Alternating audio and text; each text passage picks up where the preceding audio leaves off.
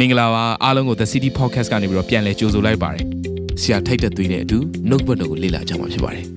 စိတ်နှလုံးတကားကိုဖွင့်ထားရင်သင်ရဲ့အသက်တာကိုကောင်းကြီးမင်္ဂလာဖြစ်စေမယ်ဖခင်သခင်ရဲ့နှုတ်ဘတ်တော်ကိုအတူတူဝခံယူကြရအောင်ခင်ဗျာ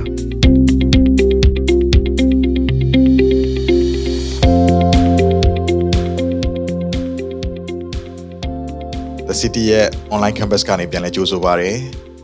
online ကနေကြည့်ရှုနေကြတဲ့ချစ်တော်ညီကိုမောင်နှမတယောက်ချင်းတိုင်းကျမ်းမာလိမ့်မယ်လို့ကျွန်တော်ဒီနေ့ကနေယုံကြည်မျှော်လင့်ပါတယ်။ဆုတောင်းပေးနေပါတယ်။ဆိုတော့ဒီနေ့မှာအတူတူကနှုတ်ဘတ်တော်ကိုခံယူပွင့်ရဖြစ်ပါတယ်။ဒီနေ့နှုတ်ဘတ်တော်ကတော့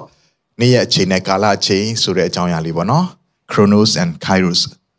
ဆိုတော့ဒီအကြောင်းအရာလေးကိုကျွန်တော်နှစ်ပိုင်းခွဲပြီးတော့မှကျွန်တော်ပြောသွားမှာဖြစ်ပါတယ်။ဒီနေ့ကတော့ပထမပိုင်းကိုပြောသွားပါမယ်။နောက်တစ်ရက်ကျရင်တော့ကျွန်တော်ဒုတိယပိုင်းကိုပြောသွားပါမယ်ပထမပိုင်းမှာတော့ဘုရားသခင်ဒီ Kairos နဲ့ Chronos ကိုဘယ်လိုခွဲခြားထားလဲ သူတို့တွေကဘယ်လိုဆက်ဆက်နေသလဲအဲ့ဒီထဲမှာကျွန်တော်တို့ကဘုရားသခင်ဖွက်ထားတဲ့ဉာဏ်ပညာနဲ့ကောင်းခြင်းမင်္ဂလာကိုကျွန်တော်ဘယ်လိုရယူမလဲဆိုတဲ့အရာကိုအဓိကပြောပြီးတော့မှဒုတိယပိုင်းကျရင်တော့ယေစကြည်လကိုဘုရားသခင်ဖွင့်ပြတဲ့ယူပါယုံနဲ့ အာဒီယောယောဟန်ပေါ်မှာဘုရားသခင်ဖွင့်ပြတဲ့ယူပါယုံနှစ်ခုဆက်ဆက်ပြီးတော့မှဒီယူပါယုံနဲ့ပတ်သက်ပြီးတော့မှ Chronos နဲ့ Kairos ကဘယ်လိုအလုပ်လုပ်နေသလဲ။နော်နေ့ရဲ့အချိန်နဲ့ကာလအချိန်ကိုဘုရားသခင်ဘယ်လိုပိုင်းခြားပြီးအလုပ်လုပ်နေသလဲ။အဲ့ထက်ကနေကျွန်တော်တို့ဘာတွေနော်အသက်ဘယ်လိုဘယ်လိုမျိုးအသက်ရှင်ရမလဲဆိုတဲ့အရာကိုကျွန်တော်ဝေငှသွားမှာဖြစ်ပါတယ်။ဒါကြောင့်ဒီပရမပိုင်းထဲမှာကျွန်တော်နေ့ရဲ့အချိန်နဲ့ကာလအချိန်နှစ်ခုမတူညီတဲ့အကြောင်းအရာလေးကိုကျွန်တော်ပြောသွားမှာဖြစ်ပါတယ်။ဆိုတော့အရင်ဦးဆုံးကျွန်တော်တို့စံစာကိုဖတ်ရအောင်နော်။အေဖက်ခန်းကြီး9 ငယ်15ကနေ7ခွန်ကိုကျွန်တော်တို့ကဖတ်ဖို့ရနေဖြစ်ပါတယ်ထို့ကြောင့်ပညာမဲ့ကဲ့သို့မဟုတ်ပညာရှိကဲ့သို့စစ်စစ်မြင့်မြင့်ကျင့်ဆောင်မြေကြောင်းတတိပြုကြလော့ယခုနေ့ရက်ကာလတို့သည်ဆိုးရုပ်သောကြောင့်ကာလချိန်ကိုရွေးနှုတ်ကြလော့ထို့ကြောင့်တတိမရှိသောသူမဖြစ်သခင်ဖျား၏အလိုတော်ရှိရာကိုပိုင်းခြား၍တည်တော်သူဖြစ်ကြလော့ဒီနှုတ်ဘတ်တော်ထဲမှာပြောထားပါတယ်ပညာမဲ့ကဲ့သို့မဟုတ်ဘူးတဲ့ပညာရှိကဲ့သို့ဆိုတော့လူနှမျိုးနှစ်ဆကိုတွေ့ရတယ်ပရမတ်တစ်မျိုးတစ်စားကတော့ပညာမဲ့နောက်တစ်မျိုးကတော့ပညာရှိ ပညာမဲ့နဲ့ပညာရှိဆိုတဲ့အရာကိုတွေ့ရတယ်ကျွန်တော်ပညာမဲ့ပညာရှိဆိုတာဘာနဲ့ခွဲခြားထားလဲဆိုတော့သိဝင်တော့အရင်ရေးကြည့်ပါကျွန်တော်လောကမှာတော့เนาะလူတွေကတော့တတ်မှတ်တဲ့အရာကတော့ဒီလောကမှာပေးထားတဲ့ တက်ရောက်ရတဲ့ပညာရေးတွေတဒံပြီးတဒံအောင်ကြမယ်နောက်ဘွဲ့ဒီဂရီရမယ်ဘွဲ့ဒီဂရီမှာလည်းအမျိုးစုံရှိမယ်နော်ကျွန်တော်တို့မြန်မာလူမျိုးတွေကဖိတ်စာတွေရေးမယ်ဆိုရင်နာမည်ရဲ့နောက်မှာအများကြီးလေအမိရှိအောင်လို့ကျွန်တော်ကအဲအဲ့ဒါကိုအရန်ကြိုက်ကြတယ်သဘောကျတယ် BA တို့ MA တို့နောက် Doctorate တို့ Doctor စသဖြင့်ဟောဘွဲ့ဒီဂရီအများကြီးရှိတဲ့အရာကိုအရန်နှစ်သက်ကြတဲ့လူတွေဖြစ်ကြတယ်ဆိုတော့ဒီဘွဲ့ဒီဂရီအများကြီးရှိထားတဲ့သူကိုပညာရှိလို့အာသူတို့ကမှတ်ယူကြတယ် ဒီလောကရဲ့မှတ်ယူခြင်းကတော့လောကမှာရှိတဲ့ပညာအမြင့်ဆုံးဘွဲ့ရရင်ဒါကတော့ပညာရှိလို့သတ်မှတ်တယ်။ဒါပေမဲ့ဘုရားကတော့လောကမှာပေးတဲ့ပညာဘွဲ့ဒီတွေနဲ့ပညာရှိပညာမဲ့လို့သတ်မှတ်တာမဟုတ်ပါဘူး။ဒီဘုရားခင်ပညာရှိပညာမဲ့လို့သတ်မှတ်တဲ့အရာကဘယ်ပေါ်မှာမူတည်လဲဆိုတာကိုဆက်ပြီးဖတ်တဲ့ကျမ်းစာလေးမှာကျွန်တော်တို့တွေ့ရပါတယ်ခုနဖတ်သွားတဲ့အရာလေးမှာနော်။ယခုနေ့ရက်ကာလတို့ဒီဆိုးရုပ်သောကြောင့်ကာလချင်းကိုရွေးနှုတ်ကြလောတဲ့။ယခုနေ့ရက်ကာလကဘာဖြစ်လာလဲဆိုရင်တနေ့ပြီးတနေ့ဆိုးရုပ်လာတယ် ကျွန်တော်တို့ကတော့မျှော်လင့်ကြတယ်ပိုပြီးကောင်းမွန်လာတဲ့ဘဝအာကဘာကြီးဖြစ်လာဖို့ဆိုပြီးတော့မှဝိုင်းဝန်းပြီးတော့မှလက်တွဲပြီးတော့မှလှုပ်ဆောင်နေကြတယ်စူးစမ်းကြတယ်ကောင်းပါတယ်ဒါပေမဲ့နှုတ်ခွက်တော်ကဘာကိုပဲပြောနေလဲဆိုရင်နောက်ဆုံးသောအချိန်ကာလရောက်လာတယ်နေ့ရက်ကာလအချိန်တွေကတဖြည်းဖြည်းနဲ့ပို့ပို့ပြီးတော့မှဆိုးရွားလာမယ်ဆိုးရုပ်လာမယ်အဲ့ဒီထဲကနေကာလအချိန်ကိုရွေးနှုတ်ပါတဲ့ထို့ကြောင့်တတိမရှိသောသူမဖြစ်သခင်ဖျား၏အလိုတော်ရှိရာကိုပိုင်းခြား၍တည်တော်သူဖြစ်ကြလော့ တတိမရှိတဲ့သူမဖြစ်စေဘဲနဲ့ဘုရားခင်အလိုတော်ကိုပိုင်းခြားပြီးတည်တော်သူဒါဆိုပညာမဲ့ပညာရှိကိုဘုရားခင်ဘယ်လိုသတ်မှတ်လဲဆိုရင်နေ့ရဲ့အချိန်ကာလနဲ့ကာလအချိန်မတူညီတဲ့အရာကို နားလေသဘောပေါက်ပြီးကာလအချိန်ကိုရွေးနှုတ်တတ်တော်သူတတိရှိတော်သူကိုဘုရားကပညာရှိလို့သတ်မှတ်ပါတယ်။ဒါကြောင့်သင်ကဒီလောကမှာပေးတဲ့ဘွဲ့ဒီ ဘွဲ့ဒီဂရီတစ်စုံတစ်ခုမှသင်မရထားဘူးဆိုရင်တော့မှဘုရားခင်ရဲ့ကာလအချိန်ကိုသင်နားလေသဘောပေါက်ပြီးရွေးနှုတ်တတ်တယ်ဆိုရင်သင်ဒီဘုရားခင်ရှိမှမှာပညာရှိတော်သူဖြစ်တယ်။ဒိုနေလကောင်ပဲသင်ဒီဒီလောကမှာဘလောက်ဘွဲ့ဘွဲ့ဒီဂရီအများကြီးရထားပြီးအမိရှိတဲ့သူပဲဖြစ်နေပလိစေ။သင်ဒီဘုရားသခင်ရဲ့ကာလအချိန်ကိုနားမလည်ဘူး။နေ့အချိန်ကာလတည်းကနေကာလအချိန်ကိုမရွေးနှုတ်တတ်ဘူးဆိုရင်သင်ဒီဘုရားသခင်ရှိမှမှာပညာမဲ့ဖြစ်နေမှာဖြစ်တယ်။ ဒါကြောင့်ဒီຢာလေးကိုကျွန်တော်တို့ဒီနေ့မှာဆင်ခြင်အောင်မေ့ပြီးနှလုံးသွင်းပွင့်ရနေဖြစ်တယ်။ကျမ်းစာကရေးထားတဲ့ຢာလေးကနေ့ရက်ကာလတို့သည်စိုးရုပ်သောကြောင့်ကာလအချိန်ကိုရွေးနှုတ်ကြတယ်။ရုတ်တရက်ဖက်သွားတော့ဒါအတူတူပဲလို့ထင်ရတယ်။ဟာနေ့ရက်ချိန်နဲ့ကာလချိန်ကဘာများကွာလို့လဲ။မေးစရာအကြောင်းရှိမယ်။အင်္ဂလိပ်လိုဖက်တော့အရန်ရှင်းပါတယ်။နေ့ရက်ကာလကို the days လို့သုံးထားတယ်။အဲ့ထဲကနေကာလအချိန်ကိုရွေးနှုတ်ပါလို့ပြောတဲ့ကာလအချိန်ကိုကြတော့ the time လို့သုံးထားတယ် the days and the time မတူပါဘူး ဆိုတော့ Greek ကျမ်းစာထဲမှာဘယ်လိုရေးထားလဲဆို the day ဆိုတဲ့နေ့ရဲ့အချိန်ကာလကို chronos လို့သုံးနှုန်းထားပြီးကာလအချိန်ရွေးနှုတ်ခိုင်းတဲ့ကာလအချိန်အဲ့ဒါကိုကြတော့ the time Greek လို့ kairos လို့ပြောထားတယ် chronos and kairos ဒီနှစ်ခုမတူညီပါဘူး chronos အရာလေးကိုကျွန်တော်အရင်ပြောပြခြင်း chronos ဆိုတဲ့အရာကကျွန်တော်တို့24နာရီတရက်ဒါလူနဲ့သက်ဆိုင်တဲ့အချိန်နာရီပေါ့နော်24နာရီတရက်9ရက်ကိုတစ်ပတ် အာပြီးရင်12ရက်30ကိုတစ်လ12လကိုတစ်နှစ်စားသဖြင့်ပေါ့နော်ပြီးရင်လည်းကျွန်တော် season တွေရှိမယ်လေနိုင်ငံပေါ်တွေမူတည်ပြီးတော့မှကျွန်တော်ဆိုလဲနွေရာသီအာမိုးရာသီစောင်းရာသီဒီလိုမျိုးဒါတွေက chronos နဲ့ဆိုင်တဲ့အရာဖြစ်တယ် the days နဲ့ဆိုင်တဲ့နေ့ရက်ကာလတွေဖြစ်တယ်အဲ့ထဲကမှ kairos ဆိုတဲ့အချိန်ကာလဒီကာလအချိန်ပေါ့ the time ဆိုတဲ့အရာကကြတော့သူက24နာရီတရက်9ရက်တစ်ပတ် နော်ပြီးတစ်နှစ်တစ်လအဲ့ဒီအရာတွေနဲ့ကန့်သက်ထားတဲ့အချိန်ကာလကိုပြောခြင်းမဟုတ်တော့ဘူးသူကြတော့ the best moment of life ကျွန်တော်ရဲ့ဘဝအသက်တာထဲမှာအကောင်းဆုံးသောနေ့ရဲ့အချိန်ကာလကိုပိုင်ဆိုင်သွားရတဲ့ moment လေးတွေအချိန်ကာလလေးအဲ့ဒါကိုနော် dictionary မှာတော့အဲ့လိုဖော်ပြတယ်သင်ရဲ့ဘဝအသက်တာထဲမှာအကောင်းဆုံးသောအချိန်ကာလလေးကဘယ်ချိန်မှာပိုင်ဆိုင်ရလဲတချို့ကတော့ထင်တာကတော့ငါငွေကြေးအများကြီးရရင်တော့ငါဘဝကတော့အတိတ်ပဲရှိတယ်အတိတ်ပဲရှိတဲ့ဘဝသက်တာငါရပြီလို့ထင်ပြောမှငွေကြေးကိုစူးစမ်းပြီးရှာဖွေကြတယ် ကျွန်တော်တို့ငွေကြေးတွေရလာတဲ့ခါမှာလည်းပဲကျွန်တော်ရဲ့ဘဝသက်တာထဲမှာအတိတ်ပဲရှိတယ်လို့မခံစားပြန်ဘူးတချို့အများကြီးပါနော်ငွေကြေးတွေအများကြီးရထားပြီးစိတ်ဆင်းရဲနေတဲ့သူတွေအများကြီးပဲငွေကြေးတွေအများကြီးကျွယ်ဝနေပြီးမှဝင်းနေချင်းကြုံနေရတဲ့သူတွေအများကြီးပဲဘဝအတိတ်ပဲရှိခြင်းကငွေကြေးနဲ့တိုင်းတာလို့မရဘူးဖြည့်ဆည်းလို့မရဘူးနောက်တစ်ခုအောင်မြင်ခြင်းကိုရအောင်ငါဘဝတော့အတိတ်ပဲရှိမယ်လို့ထင်တယ်တကယ်တော့အောင်မြင်ခြင်းရလာပြီးမဲ့လေအဲ့ဒီအောင်မြင်ခြင်းကကျွန်တော်ရဲ့ဘဝအတိတ်ပဲရှိစေတဲ့ အရာဖြစ်မလာပြန်ဘူးဒိုနည်း၎င်းမဲ့ကျွန်တော်တို့ချစ်သူကြီးစားရတယ်မရခင်တော့ကတော့ပို့ပြီးပျော်ရတယ်လို့နဲ့ရတဲ့ခါကျပို့ပြီးစိတ်ညစ်ရတဲ့အရာတွေလည်းတချို့သောသူတွေကရှိကြပြန်တယ်ဆိုတော့ဒီချစ်သူကြီးစားရယုံနဲ့အိမ်အောင်ပြုတ်လိုက်တာနဲ့ကျွန်တော်တို့ရဟာအကောင်းဆုံးသောဘဝအတိတ်ပုံငါခံစားပြီလို့ပြောလို့လေမရနိုင်ပြန်ဘူး ဒါဆိုသင်ဘဝအတွက်အကောင်းဆုံးသောဘဝအတိတ်ပဲရှိစေတဲ့အရာကဘယ်သူထဲမှာပဲရှိလဲဆိုရင်သင်ကိုချစ်တဲ့ယေရှုခရစ်တော်ထဲမှာပဲရှိတယ်။အဲ့ဒီယေရှုခရစ်တော်သင်ရသွားပြီဆိုရင်အဲ့ဒီရတဲ့အချိန်ကာလကသင်ဘဝမှာအတိတ်ပဲရှိဆုံးသောအသက်တာကိုခံစားရတဲ့အချိန်ကာလ the best moment of life ။ဆိုဘယ်ထဲမှာပဲရှိလဲဘုရားသခင်ထဲမှာပဲရှိတယ်။နောက်ပြီးအဲ့ဒီຢာကကျွန်တော်အချိန်ကာလတွေနဲ့နော် the day ဆိုတဲ့နေ့ရက်ကာလတွေနဲ့အချိန်နာရီတွေနဲ့သတ်မှတ်လို့ရတဲ့အရာမဟုတ်ဘူး။ အဲ့ဒီຢာကြီးကိုလွန်မြောက်တော့ຢာဖြစ်တယ်။ဒီနေ့အပြင် Kairos ဆိုရင်ကျွန်တော်ဘယ်လိုနားလည်ရမလဲဆိုဘုရားသခင်နဲ့ဆိုင်သောအချိန် appointed time ဘုရားသခင်ပြင်ဆင်ထားတဲ့အချိန်ကာလဘုရားသခင်အချိန်လို့ကျွန်တော်ရေးဘူးရအဖြစ်ကျွန်တော်နားလည်လိုက်ရအောင်အဲ့ဒါဆိုကျွန်တော်ခုခဏနေဆက်ပြီးရှင်းသွားမယ့်အရာလေးပုံလေးတွေကျွန်တော်ပြပြီးရှင်းသွားပါမယ်အဲ့တော့ပို့ပြီးနားလည်လာလိမ့်မယ် Kairos ဆိုရင်ဘုရားသခင်နဲ့ဆိုင်တဲ့ Chrono ဆိုရင်လူနဲ့ဆိုင်တဲ့အချိန်ကာလနော်ဒီလိုလေးကျွန်တော်အရင်ဆုံးနားလည်လိုက်ရအောင်ပြီးအဲ့ဒါကိုကျွန်တော်ဆက်ပြီးတော့မှပြောသွားခြင်းတယ်ဟုတ်ပြီအဲ့တော့ကျွန်တော်တို့ အရင်ဦးဆုံး Kairos အကြောင်းကိုကျွန်တော်ခုနကပြောပြီး Chronos အကြောင်းပြောပြီးဆိုအခုကျွန်တော် Kairos အကြောင်းကိုဆက်ပြီးတော့မှကျွန်တော်ပြောပြခြင်းတယ် Kairos ကိုတော့ဘုရားသခင်ရဲ့အချိန်ကာလလို့သတ်မှတ်ထားဖြစ်ကြောင်းဘုရားသခင်ကိုဘယ်အချိန်ကာလနဲ့မှတိုင်းတာပြီးတော့မှဘောင်သက်ဘောင်သက်မှတ်ထားလို့မရအောင်ဘောင်ကန့်ထားလို့မရအောင်ဟာဘုရားသခင်ဘယ်အချိန်မှာပေါ်ပေါက်ခဲ့တာလဲသူဘယ်နာရီဘယ်လဘယ်ခုနှစ်မှာပေါ်ပေါက်ခဲ့တာလဲပြောလို့မရဘူးဘာကြောင့်လဲဘုရားသခင်အချိန်နာရီထဲမှာဘုရားကပေါက်ဖွားလာတာမဟုတ်ဘူးဘုရားသခင်ထဲကနေပဲအချိန်နာရီက ပေါ်ပေါက်လာတာသူဖန်ဆင်းခြင်းကြောင့်ဖြစ်ပေါ်လာတာဒါကြောင့်ဖျားသခင်ကိုလူရဲ့အချိန်ကာလနဲ့တွားပြီးကန့်သက်ထားလို့မရဘူးကပ္ပဦးကျမ်းခန်းကြီး1အငယ်1ကိုကျွန်တော်ဖတ်ရအောင်အစဦး၌ဖျားသခင်သည်ကောင်းကင်နှင့်မြေကြီးကိုဖန်ဆင်းတော်မူ၏အစဦး၌လို့ပြောထားတယ်ဒီအစဦးဆိုတဲ့အခါမှာကျွန်တော်တို့ရဲ့အချိန်နာရီနဲ့ကန့်သက်လို့မရတဲ့အစဦးကိုပြောတာခဏနေကြပို့ပြီးသဘောပေါက်လိမ့်မယ်အဲ့တော့ဟိုအစဦးဘာမှမရှိခင်ကလေးက အချိန်နာရီဆိုတာမပေါ်ပေါက်ခင်ကလေးကခရိုနိုဆိုတာလူနဲ့ဆိုင်တဲ့အချိန်မပေါ်ပေါက်ခင်ကလေးကဘုရားသခင်ဒီ Kairos အရှင်ဖြစ်တယ်ဘုရားသခင်ဒီအရာခသိန်းကိုပိုင်ဆိုးသောအုပ်ဆိုးတော်မူသောဘုရားသခင်ဖြစ်တယ်ဒါကြောင့်ကျမ်းစာတစ်ချက်မှာပြောတယ်ငါဒီ Alpha လည်းဖြစ်တယ် Omega လည်းဖြစ်တယ်ငါဒီကာကြီးဖြစ်တယ်အလည်းဖြစ်တယ်လို့ပြောတယ်ငါဒီအစငါဒီအဆုံးဖြစ်တယ်လို့ပြောတယ်ဘုရားသခင်ကအချိန်ကာလထဲမှာကန့်သက်ခြင်းခံရတော့ဘုရားလုံးဝမဟုတ်ပါဘူး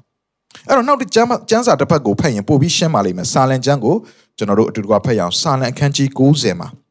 90အငယ်နှစ်လေးကိုကျွန်တော်အရင်ဦးဆုံးဖတ်ချင်တယ်တောင်များကိုမဖော်မြေကြီးနှင့်လောကတက်များကိုဖန်ဆင်းတော်မမူမီကိုတော်သည်ရှေ့ကပါအဆက်ဆက်မှစ၍နောက်ကပါအဆက်ဆက်တိုင်အောင်ဘုရားသခင်ဖြစ်တော်မူ၏ဒီမှာဗာပြောပြီလေတောင်တွေကိုမဖော်ဘူးတဲ့မြေကြီးလောကတက်ကိုမဖန်ဆင်းခင်အချိန်ကလေးကဘုရားသခင်ကရှေ့ကပါဆက်ဆက်နောက်ကပါဆက်ဆက်တိုင်အောင်ဘုရားဖြစ်နေတာဟာလေလုယာ အဲ့တော့နောက်ကျမ်းစာတစ်ချက်ကဘာပြောလဲဆိုအငယ်၄မှာရှေ့တော်၌အနှစ်တစ်ထောင်သည်လွန်ပြီးသောမနေ့ကဲ့သို့၎င်းညရန်တရန်ကဲ့သို့၎င်းဖြစ်ပါ၏ဘုရားသခင်ရှေ့မှောက်မှာလူနဲ့ဆိုင်တဲ့အချိန်နာရီက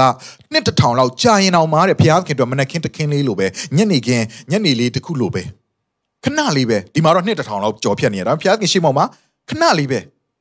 ပြောရရင်တော့အချိန်ကာလတွေအလွန်မှာဘုရားသခင်ရှိနေတယ်ဒီဘုရားကိုဘယ်အချိန်ကာလနဲ့မှကန့်သက်ထားလို့မရအဲ့ဒါမှဘုရားလို့ခေါ်တာ ဟာလေလုယာဒါဆိုဘုရားသခင်ကအဲ့ Kairos နဲ့ဒီကဘာမြေကြီးကိုဖန်ဆင်းတာအဲ့ဖန်ဆင်းခြင်းကြောင်းရာလေးကိုကျွန်တော်ပြောပြရင်လို့ငါဒီပုံလေးကိုကျွန်တော်အရင်ကြည့်စေချင်တယ်ဆိုတော့ဒီဘုရားသခင်ရဲ့အချိန်ကာလဘုရားသခင်ကိုဘယ်ဟာနဲ့မှကန့်သက်ထားလို့မရဘူးသူဒီ eternal ဖြစ်တယ်သာရတိုင်အောင်အသက်ရှင်တော်ဘုရားဖြစ်တယ်ရှေ့ကဘာဆက်ဆက်နောက်ကဘာဆက်ဆက်တိုင်အောင်ရှိနေတဲ့ဘုရားဖြစ်တယ်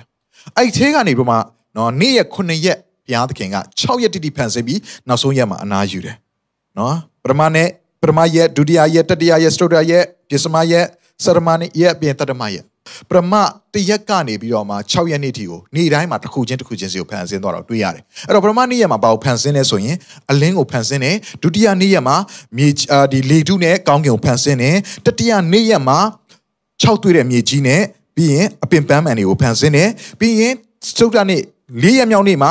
နေလနဲ့ကြယ်တွေကိုဖန်ဆင်းတယ် 9ရက်မြောက်နေ့မှာငှက်တွေနဲ့ရေသရဝါတွေကိုဖန်ဆင်းတယ်6ရက်မြောက်နေ့မှာနော်တကယ့်ကိုကုန်းပေါ်မှာရှိတဲ့မြေဒိတ်ဆန်တွေနဲ့ပြီးရင်လူသားလူသားကိုဖန်ဆင်းတယ်ဖန်ဆင်းခြင်းနဲ့မှာလူသားကိုဖန်ဆင်းတဲ့အခါမှာဘုရားက very good လို့ပြောတယ်အရန်ကောင်းတယ်အရန်ကောင်းတယ်လို့သူကျေနပ်တယ်ဘာကြောင့်လဲဆိုတော့သူနဲ့တသတန်တဲ့လူကိုဖန်ဆင်းတာဟာလေလုယာသူရဲ့ပုံတန်တညီတညွတ်တဲ့လူကိုဖန်ဆင်းတဲ့အခါမှာဘုရားကအရန်ကျေနပ်တယ် ခုနှစ်ရက်မြောက်နေ့မှာတော့ဘုရားသခင်ကအနားယူတယ်နောက်ထပ်ပုံလေးတစ်ပုံကျွန်တော်ထပ်ပြီးပြချင်တယ်အဲ့တော့ဖန်ဆင်းတဲ့အခါမှာပရမရဲ့ဒုတိယရဲ့တတိယရဲ့စတုဒ္ဒရဲ့ရောက်လာတဲ့အခါမှာနေလာကျဲအဲ့တော့အဲ့ချိန်မှာဘုရားကဘာကိုထည့်လဲဆိုရင်နေလာကျဲပေါ်လာတဲ့အခါမှာဘုရားကစပြီးတော့မှ Chronos ကိုစပြီးတော့မှထည့်တယ်ဟုတ်ကဲ့နော်ဖတ်ကြည့်အောင်ကပ္ပဦးကျမ်းခန်းကြီး1အငယ်14ကိုဖတ်ရအောင် ဆလီစငါကိုတခါလေးဖတ်ရအောင်နော်တဖန်ဖျားသခင်ကနေ့နေ့ညကိုပိုင်းခြားစေခြင်းကမိုးကောင်းကင်မျက်နှာကျက်၌အလင်းအိမ်တည်စေနမိတ်လက္ခဏာချင်းချက်သောအချိန်နေ့ရက်အပိုင်းအခြားနှစ်အပိုင်းခြားဖို့ဖြစ်စေမိုးကောင်းကင်မျက်နှာကျက်၌တည်၍မြေကြီးလင်းစရာအလင်းအိမ်ဖြစ်စေဟုအမိန်တော်ရှိသည့်တိုင်ဖြစ်လေ၏ပရမယဒုတိယယတတိယယစတုဒ္ဒယရောက်လာတဲ့အချိန်ကြာမှာကျွန်တော်တို့ရဲ့အခု24နာရီတရက်တို့နော်9ရက်ကိုတပတ်တို့ ရက်30ကိုတစ်လတို့နောက်ပြီး12လကိုတစ်နှစ်ဒီအချိန်နာရီကို၄ရက်မြောက်တဲ့နေ့မှာမှဖန်ဆင်းတယ်၄ရက်မြောက်တဲ့နေ့ကြမှာတနည်းအားဖြင့် Chronos ကိုဘုရားသခင် Kairos ထဲကနေပြီးတော့မှ Chronos ကိုမွေးဖွားလိုက်တာဘယ်နေ့ကြမှာလဲ၄ရက်မြောက်နေ့ကြမှာဒါဆိုပရမရဲ့ဒုတိယတတိယရဲ့လို့ပြောနေတဲ့အရာကကျွန်တော်တို့ရဲ့24နာရီတရက်နဲ့သွားပြီးသတ်မှတ်လို့ရတဲ့အရာမဟုတ်ဘူးဘုရားသခင်ရဲ့ Kairos ထဲမှာရှိနေတဲ့ပရမရဲ့ဒုတိယရဲ့တတိယရဲ့ကျွ န်တော်တို့24နာရီတရက်ကိုပြောနေတာမဟုတ်ဘူးတခါကြီးကျွန်တော်ကစဉ်းစားတတ်တယ်လေပရမရဲ့ဒုတိယတတိယဆိုတော့တနင်္လာနေ့မှာဘုရားသခင်ကအလင်းကိုဖန်ဆင်းတယ်အင်္ဂါနေ့မှာဗုဒ္ဓဦးနေ့မှာအဲအဲ့လိုသွားတွက်လို့မရဘူး Chronos ကိုလေးရက်မြောက်နေ့မှာဖန်ဆင်းတော့ဘုရားရဲ့ရည်ရွယ်ချက်ကဒီလိုရှိပါတယ်ဘုရားသခင်သည်အချိန်ကာလထဲမှာကန့်သက်ခြင်းကိုခံရတဲ့ဘုရားမဟုတ်ဘဲနဲ့သူသည်သာရတိုင်အောင်အသက်ရှင်တော်ဘုရားဖြစ်တယ်ဒီကဘာမြေကြီးကိုဖန်ဆင်းပြီးလူကိုဒီကဘာမြေကြီးပေါ်မှာနေရာချတယ်လူအတွက်နေရာကိုမြေကြီးပေါ်မှာထားတယ် အဲ့တော့လူကနေတိုင်းအသက်ရှင်ရှောက်လန်းပြီးသွားလာလှုပ်ရှားလို့ရအောင်ဘုရားသခင်သည်အလင်းအိမ်တွေကိုဖန်ဆင်းပြီးတော့မှနေ့ရက်ကာလတွေကိုရာသီအချိန်တွေကိုပေါ်ထွက်လာစေတယ်အဲ့တော့ဒီအချိန်ကာလတွေထဲမှာလူနဲ့ဆိုင်တဲ့ Chronos ထဲမှာဘုရားသခင်ဒီလူကိုနေရာချလိုက်တယ်ဘုရားသခင်ကတော့ Kairos ထဲမှာပဲနေတယ်ဒါမဲ့ဘုရားသခင်ကလူကိုဖန်ဆင်းတဲ့အခါမှာခဏတာအတွက်ပဲဖန်ဆင်းတာမဟုတ်ဘူးသူဒီရည်ရွယ်ချက်ရှိရှိလူကိုသူနဲ့တူ ထာဝရကာလတိုင်အောင်သွားဖို့ရန်လို့ငါဖန်ဆင်းတယ်ဒါကြောင့်ပထမဦးဆုံးဘုရားသခင်ကလူနဲ့ဆိုင်တဲ့အချိန်ဖြစ်တဲ့ Chronos ကိုဖန်ဆင်းလိုက်တာကခဏတာတော့မဟုတ်သူဒီထာဝရအတွက်ဖန်ဆင်းလိုက်တဲ့ Chronos ကတော့အာဒန်နဲ့အေဝါဘုရားစကားကိုနားမထောင်ခြင်းကြောင့်အဖြစ်တရားကဒီလောကထဲကိုရောက်လာတယ်ဘုရားသခင်ဒီအင်မတန်တန်ရှင်းသောဘုရားဖြစ်တယ်လူဒီအင်မတန်တန်ရှင်းတဲ့ဘုရားသခင်ရဲ့တဒံတော်ကိုရထားတော်သူဖြစ်တယ် ဒါကြောင့်အတူတူပေါင်းစည်းလို့ရတယ်ဒါကြောင့်အတူတူခြာရကာလတိုင်အောင်ခီးသွားလို့ရတယ်ဒါပေမဲ့အခုတော့လူရဲ့အထဲမှာအဖြစ်တရားကြီးကလူနဲ့အတူကဘာမြေကြီးထဲကိုရောက်လာပြီဖះလှပစွာဖန်ဆင်းထားတဲ့ကဘာထဲကိုလောကထဲကိုအဖြစ်တရားရောက်လာပြီတနည်းအားဖြင့်အပြစ်လို့ပြောတဲ့ခါမှာစာတန်နဲ့ဆိုင်တဲ့အရာဖြစ်တယ်စာရန်ရဲ့လက်ထဲကိုအာဒန်ကလူလူလားလားကြည်ကြည်နဲ့နဲ့နဲ့သူ့ကိုပေးဖျားပေးရထားတဲ့ authority အခွင့်အာဏာနဲ့အုပ်စိုးခွင့်အာဏာအားလုံးကိုစာရန်လက်ထဲကို ထည့်လိုက်တယ်လို့ဖြစ်သွားတဲ့အတွက်ကြောင့်စာရန်ကဒီလောကကိုအုပ်ချုပ်လို့ရသွားတယ်လူရဲ့စကားနားထောင်ခြင်းကြောင့်ဆိုတော့ဆိုတဲ့ခါမှာဘုရားသခင်နဲ့လူနဲ့ကအတူတူကပေါင်းသိလို့မရတော့လူကအပြစ်သားဖြစ်သွားပြီဘုရားသည်အင်တန်တန်ရှင်တော်ဘုရားဒါကြောင့်ထာဝရကာလတန်အတူတူသွားလို့မရတော့ဘူးမရတဲ့အတွက်ကြောင့်ဘုရားကဘာလုပ်လိုက်ရလဲထာဝရအတွက်ပြင်ဆင်ထားတဲ့ Chronos ကိုထာဝရအထိမသွားစေဘဲနဲ့ Kairos နဲ့အတူရှင်တွဲပြီးသွားလို့မရနိုင်တော့ဘဲနဲ့ Chronos ဆိုတဲ့လူရဲ့အချိန်ကိုကန့်တက်လိုက်တယ်ကပ္ပဦးကျမ်းခန်းကြီး6ကိုကျွန်တော်ကြည့်ရအောင် ကပ္ပဦးကျမ်းခန်း6ငယ်3မှာထာဝရဘုရားကလည်းငါဝိညာဉ်သည်လူတို့တွင်အစင်မဆုံးရအကြောင်းမူကားလူတို့သည်အသားဖြစ်၏သူ၏တတန်းသည်လည်းအနှစ်120ဖြစ်စေဟုမိန်တော်မူ၏လူရဲ့တတန်းကတကယ်တော့ထာဝရတိုင်အောင်သွားနေတဲ့အချိန်ကာလကနေအခုဘယ်လောက်ဖြစ်သွားပြီလဲ120ပုံလေးကိုကျွန်တော်ကြည့်ရအောင်เนาะတတိယပုံလေးကိုကျွန်တော်ကြည့်ကြည့်စေချင်တယ်အဲ့တော့ဒီမှာဘုရားသခင်ဖန်ဆင်းတဲ့ Chronos က ထာဝရတိသွားနေရင်းနဲ့မှရက်တန်သွားပြီအဲ့ဒီကန့်သက်လိုက်ခြင်းကိုခံလိုက်ရတဲ့အထဲမှာလူရဲ့တက်တန်းလဲပါတယ်လို့ကဘာမြေကြီးရဲ့တက်တန်းလဲပါသွားတယ်။ဒါကြောင့်ဘုရားကပြောလဲဒီကဘာကြီးကိုဘုရားသခင်တနေ့ကျရင်ဖယ်ရှားပြီးတော့မှဖျက်ဆီးလိုက်ပြီးတော့မှကောင်းကင်တင်မြေကြီးတစ်ကိုအသစ်တစ်ဖန်ပြန်ပြီးဘုရားသခင်ပြင်ဆင်လိမ့်မယ်။ဒီကဘာမြေကြီးကရွေ့ရွေ့ရွေ့ရော်ကွယ်ပြောက်သွားလိမ့်မယ်။ပူလွန်အားကြီးလို့လောင်မြိုက်ပြီးတော့မှကွယ်ကွယ်ပြောက်သွားမယ်။ကျမ်းစာထဲမှာအတီလင်းပြောထားတယ်။ဒီကဘာကြီးမှာတက်တန်းရှိတယ်။ပျက်စီးရမယ့်အချိန်ကာလကိုတဖြည်းဖြည်းနဲ့ ချင်းနှင်းဝင်ရောက်လာတယ်။ဒိုနေတော့မဲ့လူကနော်ဘုရားကတတ်မှတ်ထား120ဒါပေမဲ့ကျွန်တော်တို့ဘိုးစင်ပေါင်းဆက်မွေးဖွားလာတဲ့ခါမှာကဘာမြေကြီးကလည်းတဖြည်းဖြည်းပျက်စီးလာသလိုလူတွေရဲ့စားတောက်မှုပုံစံတွေကလည်းတနေ့ချာတဖြည်းဖြည်းဆုတ်ယုတ်လာတဲ့အတွက်ကြောင့်ဆိုးရွားလာကြအခုဆိုကျွန်တော်ရဲ့အနာမှာ organic ဆိုတာတွေးမှမတွေးရတော့တာအကုန်လုံးက နော်စီးဖြန်းထားတဲ့အရာတွေဒါတွေကျွန်တော်တို့ကစားနေရတာဆိုတော့ဘာဖြစ်လာလဲဆိုတော့လူတွေရဲ့တတန်ကလည်းတနေ့တခြားပို့ပို့ပြီးတူလာတယ်အရင်တော့ကတော့120ဆိုတဲ့လူတွေရှိတယ်နောက်ကျတော့ကျွန်တော်တို့ရှက်တဖြည်းဖြည်းနဲ့နည်းလာတယ်တတန်တူလာတယ်အသက်80 90တွေးရသေးတယ်ဒါပေမဲ့တဖြည်းဖြည်းနဲ့ကျွန်တော်ရဲ့ generation ရောက်လာတော့ဘာဖြစ်လာလဲအသက်ကအခုတွက်ကြည့်မယ်ဆိုရင်အသက်40ဝန်းကျင်အောင်မှလူတွေကသိမနေရတော့ဘူးအခုတောအတွင်းမှာဆိုရင်ကျွန်တော်လူငယ်တွေအများကြီးအသက်ဆုံးပါတဲ့အရာတွေတွေ့ရတယ် အသက်20နဲ့30ကြာမှလူတွေသေဆုံးလာတာတွေ့ရတယ်တဖြည်းဖြည်းအသက်တန်းတိုးလာတယ်ဒါဆိုစဉ်းစားကြည့်အောင်ကျွန်တော်ရဲ့သားကျွန်တော်ရဲ့မြေးကြရင်ဘလို့ဖြစ်ကြမလဲပို့ပြီးတော့မှအသက်ကတိုးလာစရာအကြောင်းရှိတယ်ဘာဖြစ်လာပြီလဲကျွန်တော်တို့ရဲ့အချိန်နာကြီးတိတ်မကြံတော့ဘူးကဘာမြေကြီးရဲ့အချိန်နာကြီးတိတ်မကြံတော့ဘူးဘုရားကအဲ့ဒီအချိန်ကာလကိုဘုရားသခင်ကန့်သက်လိုက်တယ် limit ဖြစ်သွားတယ်ကန့်သက်ခြင်းကိုခံရတယ်ဒါကြောင့်အဲ့ဒီကန့်သက်ခြင်းကိုခံရတဲ့ထဲမှာလူကအသက်ရှင်နေရတယ် လူကအသက်ရှင်နေရတယ်ဘုရားသခင် Kairos အရှင်ဘုရားသခင်နဲ့လူကကင်းကွာသွားတဲ့ကြောင့်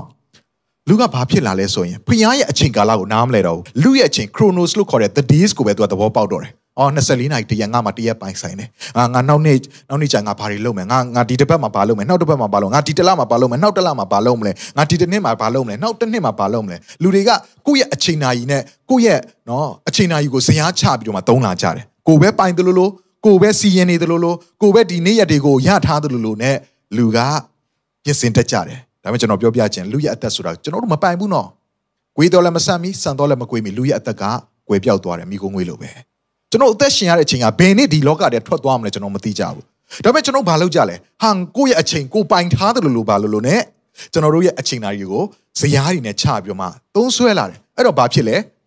ကျွန်တော်ရဲ့အချိန်ကာလကလူကပြင်ဆင်ပြီးလူကစဉ်းစားပြီးတော့မှ စူးစမ်းပြီးလှုပ်ဆောင်နေရဖြစ်တဲ့ကြောင့်အမားတွေအများကြီးပါတယ်လိုအပ်ချက်တွေအများကြီးပါတယ်ဆိုအဲ့တော့ဘာဖြစ်လာလဲစိတ်တက်ကြတာတွေစိတ်ပူလောင်တဲ့အရာတွေရှိလာတယ်ကျွန်တော်ကျမ်းစာတွေတစ်ပိုက်ဖတ်ပြခြင်းတယ်နော်ဒေသနာကျမ်းထဲမှာဒေသနာကျမ်းခန်းကြီး9မှာ9မှာ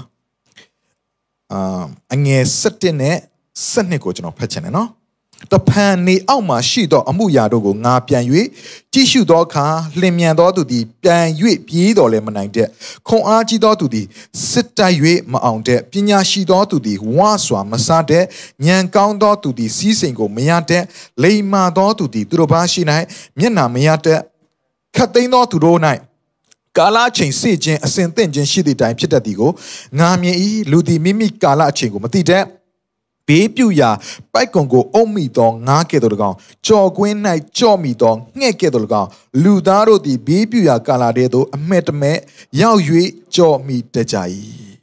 ဟာဒီနေရာမှာနော်ကမောက်ကမဖြစ်တာလေးတွေ့ရတယ်ဟုတ်ပြီနော်ဘာတွေ့ရလဲခွန်အားကြီးသူကစစ်တိုက်၍မအောင်တဲ့ဟာစစ်တိုက်တယ်ဆိုရင်အားကြီးတော့သူကနိုင်လေးရှိတယ်မဟုတ်ဘူးလားဒါပေမဲ့အခုဒီနေရာမှာအရန်အားကြီးပေမဲ့လည်းစစ်ပွဲတွေမှာမနိုင်ဘူးတဲ့နောက်ပြီးတော့မှပညာရှိတဲ့သူကဝါစွာမစားရတော့ဘူးတဲ့ ကျွန် ကျွန်တော်ထင်တာကျွန်တော်မိဘတွေပြောတာအများကြီးရှိပါတယ်เนาะကြားဘူးမှာပါเนาะသင်မင်းပညာတက်ဖို့လိုတယ်ပညာတက်မှနဲ့ကောင်းကောင်းလဆာရပြီးကောင်းကောင်းစားမှာကောင်းကောင်းဘဝကြီးကကောင်းစားမှာဒါပေမဲ့ခုပညာရှိပြီးတော့မှပညာတွေရထားပြီးမှပညာတွေတက်ထားပြီးမှအလုပ်လက်မဲ့တွေအများကြီးပဲဝါဆွာမစားရတော့ဘူးကမောက်ကမတွေဖြစ်နေတယ်ညံကောင်းသောသူဒီစီစဉ်ကိုမရတဲ့စီးပွားရေးမှာအကွက်မြင်တတ်ဖို့လိုတယ်လို့တချို့ကပြောကြတယ်အဲ့လိုညံကောင်းတိုင်းလေ မကောင်းစားဘူးတဲ့မကြွယ်ဝဘူးတဲ့လိမ္မာတော်သူသူတို့မှရှိမှမျက်နာမရတတ်တဲ့နော်အခုချိန်ကာလနဲ့အရန်ကိုက်ညီတယ်လိမ္မာရဲဆိုပါလေမှန်မှန်ကန်ကန်လောက်တာလိမ္မာကြီးချက်ချက်မလိမ်ဘူးမညာဘူးမှန်ကန်တယ်မှန်ကန်တဲ့သူကဘာဖြစ်လဲကွဲတက်တယ်လို့ပြောတယ်လीနော်မှန်ကန်ရင်တော့သွားကွဲတာပေါ့နော်ဆိုတော့အခုလေမှန်ကန်မှန်ကန်စွာနဲ့လုပ်တဲ့သူတွေကမျက်နာမရတတ်ဘူးလူများရှိမှမှလိမ်ပြီးတော့မှအဲလူများကိုအချိုတက်ပြီးတော့မှသူများကြိုက်ပြောတဲ့သူကတော့မျက်နှာရတယ် ဒါမှမဟုတ်မှန်ကန်လုပ်တဲ့သူကမျက်နှာမရတော့ဘူးတဲ့ခတ်သိမ်းသောကာလအချိန်စေခြင်းအစဉ်သင်ခြင်းရှိသည့်တိုင်ဖြစ်တတ်သည်ကိုငါမြင်နေတဲ့နောက်ဘာပြောလဲလူဒီမိမိကာလအချိန်ကိုမသိတတ်ဘူးတဲ့ကျွန်တော်တို့ရဲ့ကာလအချိန်ကိုမသိတတ်ဘူး the time ဆိုတဲ့ဘုရားသခင်ကလူအတွက်ပြင်ဆင်ထားတဲ့ကာလအချိန်ရှိနေတယ်ဆိုတော့လူကမသိတော့ဘူးမသိတဲ့အတွက်ကြောင့်တကယ်ကိုယ့်ရဲ့အချိန်နာကြီးကိုဇရာချပြီးလှုပ်လာတဲ့ခါမှာဘာဖြစ်လာလဲဆိုရင်နော်ကြော့ကွင်းဘေးပြူရနိုင်တိုက်ကွန်အုံမိတော့ငါကဲ့သို့တကောင် ပိုက်ကွန်နဲ့အုံမိတဲ့ငါလို့ပြီးရင်ကြော်ကွင်းမှာကြော်မိတဲ့ငှက်လို့လူသားတွေကဘေးပြူရတဲ့ကိုနော်မက်ဒမန်နဲ့ရောက်ပြီးတော့မှကြော်မိတတ်တယ်ဒီနေ့အဖြစ်ထောင်ချောက်တွေထဲဝင်သွားတတ်တယ်အဲ့ဒါကိုပြောချင်တာဆိုတော့စာရန်ကတင့်ရှိမှာထောင်ချောက်တွေအများကြီးပြင်ဆင်ထားတယ်ဘုရားသခင်ရဲ့ကာလအချိန်ကိုကျွန်တော်တို့နားမလည်ဘူးဆိုရင်ခရိုနိုဆိုတဲ့ကျွန်တော်တို့ဆိုင်တဲ့အချိန်ကာလထဲမှာကျွန်တော်တို့ဒီဘေးပြူရတဲ့ကိုတနည်းအားဖြင့်ပျက်စီးရအကြောင်းတဲ့ကိုအလွယ်တကူရောက်သွားတတ်တယ် ချစ်တော်ညီကောင်မတို့အင်မတန်အန်တယ်များပါတယ်စာရန်ထောင်ချောက်ဆင်ထားတဲ့အရာအများကြီးရှိအသက်အနာမှာဒီအချိန်ကာလတွေထဲမှာနေ့ရက်တွေထဲမှာဒီကြောမိသွားဖို့ရန်လုံငါအဲ့ထက်ကိုကြပြီးတော့ပျက်စီးသွားဖို့ရန်လုံငါဘုရားသခင်တင်အောင်အလိုတော်မရှိဘူးဒါကြောင့်သင်သည်အချိန်ကာလထဲမှာကျွန်တော်တို့ရဲ့နေ့ရက်တွေထဲမှာသွားလာနေတဲ့အချိန်မှာကာလအချိန်လို့ခေါ်တဲ့ Kairos ဘုရားသခင်ရဲ့အချိန်ကာလကိုသင်နားလည်မှအဲ့ဒီဘေးပြုတ်တက်တဲ့ကြော်ကွင်းတွေထဲကထောင်ချောက်တွေကသင်လွတ်မြောက်မှာဖြစ်တယ် ဟာလေလုယာအဲ့တော့ဒီနေရာလေးမှာထပ်ပြီးကျွန်တော်ပုံလေးတစ်ပုံထပ်ပြီးပြချင်တယ်မှန်တယ်ကျွန်တော်တို့ကိုဘုရားသခင်ကအကန့်အသတ်ရှိတဲ့အရာတွေကိုထည့်ထားတယ်အတူတူရလို့မရတော့ဘူးအပြစ်တရားကြောင့်ဆိုတော့ Kairos session ဘုရားသခင်ကလူတွေပြင်ဆင်တဲ့ Chronos ကို Tarati ပြင်ဆင်ထားတော်လဲပဲအပြစ်တရားကြောင့်တက်တန်းတူသွားပြီအချိန်ကာလတစ်ခုတက်တက်မှတ်ခြင်းခံရပြီကန့်သက်ခြင်းခံရပြီ ဒါပေမဲ့ဖခင်ကလေလူနဲ့အတူမိသားဖွဲ့ခြင်းတော်ဖခင်ဖြစ်တယ်လူနဲ့အတူတူမိသားစုကဲ့သို့အသက်ရှင်ခြင်းတော်ဖခင်ဖြစ်တယ်အတူကမိသားဖွဲ့ခြင်းအတူကအစားသုံးခြင်းအတူကဖြတ်ကျော်ခြင်းနဲ့ဘဝတက်တောင်ထာဝရကာလတရားလူကိုဆွဲခေါ်သွားခြင်းနဲ့ခက်တာကလူကဘယ်ထဲမှာရောက်နေပြီလဲအကန့်အသတ်ရှိတဲ့ chronos ထဲမှာလူကပိတ်မိနေတာအပြစ်တရားကြောင့်ဒါဆိုရင်ဒီအပြစ်ကိုဖြေရှင်းမှလူနဲ့ဖခင်သခင်က kairos ဆိုတဲ့ထာဝရကာလထဲမှာတွားလို့ရမှာ အဲ့တော့ဒီ chronos ထဲမှာပိတ်မိတဲ့လူကိုဘုရားကကယ်တင်ဖို့ရလုံငါပြင်ဆင်တယ်ဘယ်သူအဖြစ်လဲယေရှုခရစ်တော်အဖြစ်ဒါကြောင့်ယေရှုခရစ်တော်ကိုဒီလောကထဲကိုစေလွှတ်တယ်ဒါကြောင့်ယေရှုခရစ်တော်ဘုရားကအကန့်အသတ်မဲ့တော်ဘုရား kairos ရှင်ဘုရားကအကန့်အသတ်ရှိတဲ့ chronos ထဲကိုဝင်လာတယ်ဝင်လာတယ်အကန့်အသတ်ရှိတဲ့ကိုခန္ဓာကြီးကိုယူတင်ဝတ်ဆောင်တယ်လူနဲ့တူတွေ့ဆုံတယ်သုံးနှစ်ခွဲကာလ ဒီလောကမြေကြီးပေါ်မှာအကန့်အသတ်ရှိတဲ့ကိုယ်ခန္ဓာကိုယူတင်ဝတ်ဆောင်ပြီးတော့မှအမှုဆောင်တယ်ပြီးရင်ဘာလုပ်လဲလဝါကတိုင်းမှာအသေးခံတယ်တင်နဲ့ကျွန်တော်ရဲ့အပြစ်ကြွေးအလုံးစုံကိုအတွက်သူအသေးခံတယ်ဒါကြောင့်ယေရှုခရစ်တော်ကဒီလောကမှာဆင်းကြွလာပြီးတော့မှတင်နဲ့ကျွန်တော်ရဲ့အပြစ်ကြွေးအတွက်အသေးခံပြီးအသွေးသွင်းတဲ့ခါမှာလူတစ်ကမ္ဘာလုံးမှာရှိနေတဲ့လူသားတွေအတွက် အဲ့ဒီချိန်ကာလကရှိတဲ့လူတွေအတွက်ကောနောက်တဲ့ကက်ကာလတွေမှာပေါ်လာမဲ့လူသားမျိုးဆက်တွေအတွက်ပါရှိရှိသမျှလူသားနဲ့ဆိုင်သမျှအဖြစ်အားလုံးသူ့ရဲ့အထင်းမှာထည့်ပြီးတော့မှအသေးခံတယ်ဒါပေမဲ့ဒီမြေကြီးထဲမှာပဲမြုပ်နှံခံတဲ့ဖရားမှမဟုတ်တာဖရားသခင်ဒီတကူကြီးတော်ဖရားအသက်ရှင်တော်ဖရားဖြစ်တဲ့ကြောင့်တည်ခြင်းတရားသူ့ကိုကင်ထားလို့မရဘူးသုံးရက်မြောက်တဲ့နေ့မှာရှင်ပြန်ထမြောက်တယ်ရှင်ပြန်ထမြောက်တဲ့အခါမှာဘာဖြစ်လဲ ဒီယေရှုခရစ်တော်ရဲ့အထဲမှာလူသားအားလုံးကိုသူကထည့်ပြီးတော့မှကိုစားအသေးခံတာဖြစ်တဲ့ကြောင့်သူအသက်ရှင်တဲ့ခါမှာကျွန်တော်တို့အကန့်အသတ်ရှိသောလူသားတွေကခရစ်တော်ကိုယုံကြည်သောအဖြစ်သူနဲ့အတူအကန့်အသတ်မဲ့သောအရာကိုကုမြောက်ခြင်းကိုခံစားရတယ်။ဟာလေလုယာ။သရှင်တော်ဝိညာဉ်ပြတာကိုဖွင့်ပြပါစေ။ဒါဆိုကျွန်တော်ပြန်ပြောပြမယ် အကန့်အသတ်မဲ့သောဘုရားကအကန့်အသတ်ရှိတဲ့ Chronos တဲကိုဝင်လာတယ်အကန့်အသတ်ရှိတဲ့ကိုယ်ခန္ဓာကိုယူတင်ဝတ်ဆောင်တယ်အကန့်အသတ်ရှိတဲ့လူတွေကိုအကန့်အသတ်မဲ့သောသူ့ရဲ့အထဲကိုထည့်ပြီးတော့မှအသေးခံအသွေးသွင်းပြီးတော့မှရှင်ပြန်ထမြောက်ပြီးတော့မှအကန့်အသတ်ရှိတဲ့ဘဝကိုကြော်လွန်အောင်မြင်ပြီးလူကမအောင်မြင်ဘူးခရစ်တော်ပဲအောင်မြင်တာအဲ့အောင်မြင်ခြင်းကိုခရစ်တော်ကရယူပေးလိုက်တဲ့အခါမှာလူအထက်ခရစ်တော်ရဲ့အထဲမှာရှိနေတဲ့သင်နဲ့ကျွန်တော်ကအဲ့ဒီအကန့်အသတ်မဲ့သောကောင်းခြင်းမင်္ဂလာ Kairos ကိုကျွန်တော်ဝရသွားတယ်ဟာလေလုယာ အရင်တော့ Chronos ထဲမှာကိုကပိတ်မိပြီးအသက်ရှင်လာတာအခုတော့မဟုတ်တော့ဘူးယေရှုခရစ်တော်ကိုယုံကြည်သောသူတိုင်းကတည်လွန်တော်လဲအသက်ရှင်မယ်လို့ဘုရားကပြောထားတယ်ယေရှုခရစ်တော်ကိုယုံကြည်သောသူတိုင်းက Kairos ဆိုတဲ့အချိန်ကာလနဲ့ဆက်ဆိုင်သောသူဖြစ်သွားရပြီအရင်တော့ Chronos ထဲမှာသွားနေကြတာအခုတော့ဘာဖြစ်သွားပြီလဲဘုရားသခင်ရဲ့အချိန်ကာလနဲ့လူရှိရာကိုလာပြီးတော့မှဆက်ဆံပြီးအလုံးလုံးလို့ရရဖြစ်သွားပြီ Kairos ကကျွန်တော်ရဲ့အသက်တာတွေကိုဝင်လာပြီနေ့တိုင်းမှာကျွန်တော်အခွင့်ပေးလိုက်တိုင်းမှာကျွန်တော်တို့ရွေးယူလိုက်တိုင်းမှာ ဖျားသခင်ရဲ့ Kairos နဲ့ဆိုင်တဲ့ကောင်းကြီးမင်္ဂလာဉာဏ်ပညာအစွမ်းတတ္တိတကူအခွင့်အာဏာအားလုံးကဖျားသခင်စီကနေ direct ကျွန်တော်တို့ပေါ်မှာနေ့တိုင်းနေ့တိုင်းနေ့တိုင်းအချိန်တိုင်းမှာ Chronos တဲကိုဝင်လာပြီးတက်ရောက်လာပြီ Hallelujah ဘာသူလုပ်ပေးခဲ့လို့လဲသင်နဲ့ကျွန်တော်လုပ်နိုင်လို့မဟုတ်ဘူးယေရှုခရစ်တော်အပြည့်ဖြစ်တယ်ဒါကြောင့်ခရစ်တော်ကိုယုံကြည်သောသူတိုင်းက Chronos ထဲမှာပိတ်မိသောသူတွေမဟုတ်ဘူး Kairos ထဲမှာအကန့်အသတ်မဲ့သောသူအသက်တာကိုရရှိတာဖြစ်တယ် Hallelujah နောက်တစ်ခုရှိသေးတယ်ဖျားကလေအဲ့ဒီ Kairos တဲကိုသွန်ဝင်သွားတဲ့ခါမှာရှင်ပြန်ထမြောက်ခြင်းအပြင် အကန့်အသတ်မဲ့သောအခြေအနေတွေကိုကြော်လွန်ကူးမြောက်တဲ့ခါမှာလူကိုတစ်ခါတည်းတပါးတည်းခေါ်မသွားဘူးကျွန်တော်တို့ကိုအကန့်အသတ်ရှိတဲ့ Chronos ထဲမှာပဲဆက်ပြီးထားတယ် Chronos ထဲမှာပဲကျွန်တော်တို့ကိုထားတယ်အဲ့ဒီ Chronos ထဲမှာကျွန်တော်တို့ကိုထားခြင်းအပြင်ဘုရားကဘာကိုသင်ယူစေလဲသိလား The break ထဲကျွန်တော်တို့ကိုကောင်းကင်ကိုခေါ်မသွားပါဘူးသူဘာလုပ်လဲဒီ Chronos ထဲမှာယုံကြည်သူတွေရဲ့အသက်တာထဲမှာနေ့ရဲ့အချိန်ကာလတွေထဲကနေ ကာလအချိန်ဆိုတဲ့ Kairos ဘုရားသခင်ရဲ့အချိန်ကာလကိုဘယ်လိုမျိုးဒီလောကထဲမှာဆွဲယူရမလဲဒီကာလအချိန်နဲ့ကျွန်တော်ဘယ်လိုမျိုးအသက်ရှင်ရမလဲဆိုတာကိုသိနိုင်ဖို့ရလုံငါဒီလောကထဲမှာတင့်ကိုထည့်ထားတာတနည်းအားဖြင့်တင့်ကိုတင်တန်းချောင်းထဲမှာပို့ထားတာတနည်းအားဖြင့်တင့်ကို camp တစ်ခုထဲမှာတင့်ကိုထည့်ထားတာဒီလောကမြေကြီးကခဏပဲနေရတဲ့ကျွန်တော်တို့ဧည့်သည်အာဂန်နုတွေဖြစ်တယ်ခဏပဲနေရတဲ့နေရာဖြစ်တယ်ကျွန်တော်တို့ရဲ့ယာယီတဲဖြစ်တယ်ဒါကခဏလေးနဲ့ပျက်စီးသွားမှာ ကျွန်တော်ရဲ့ကိုယ်ခန္ဓာလည်းခဏလေးနဲ့ပျက်စီးသွားမှာတက်တန်းတွေကလည်းအတူနေပြီကဘာမြေကြီးရဲ့တက်တန်းကလည်းတူလာပြီဒီခဏတာပဲရှိနေတဲ့ camp တွင်းချင်းခံရတဲ့အချိန်ကာလလေးမှာကျွန်တော်တို့ကဒါငါတို့ရဲ့အချိန်ကာလရပြီဒါငါတို့ဘဝကြီးဆိုပြီးတော့မှအဲ့ဒီအဲမှာပဲပျော်နေတယ်ဆိုရင်ဖျားသခင်ရဲ့ထာဝရကာလတည်းအသက်ရှင်ရမယ် Kairos ထဲကိုတင်ပါလာမှာမဟုတ်ဘူး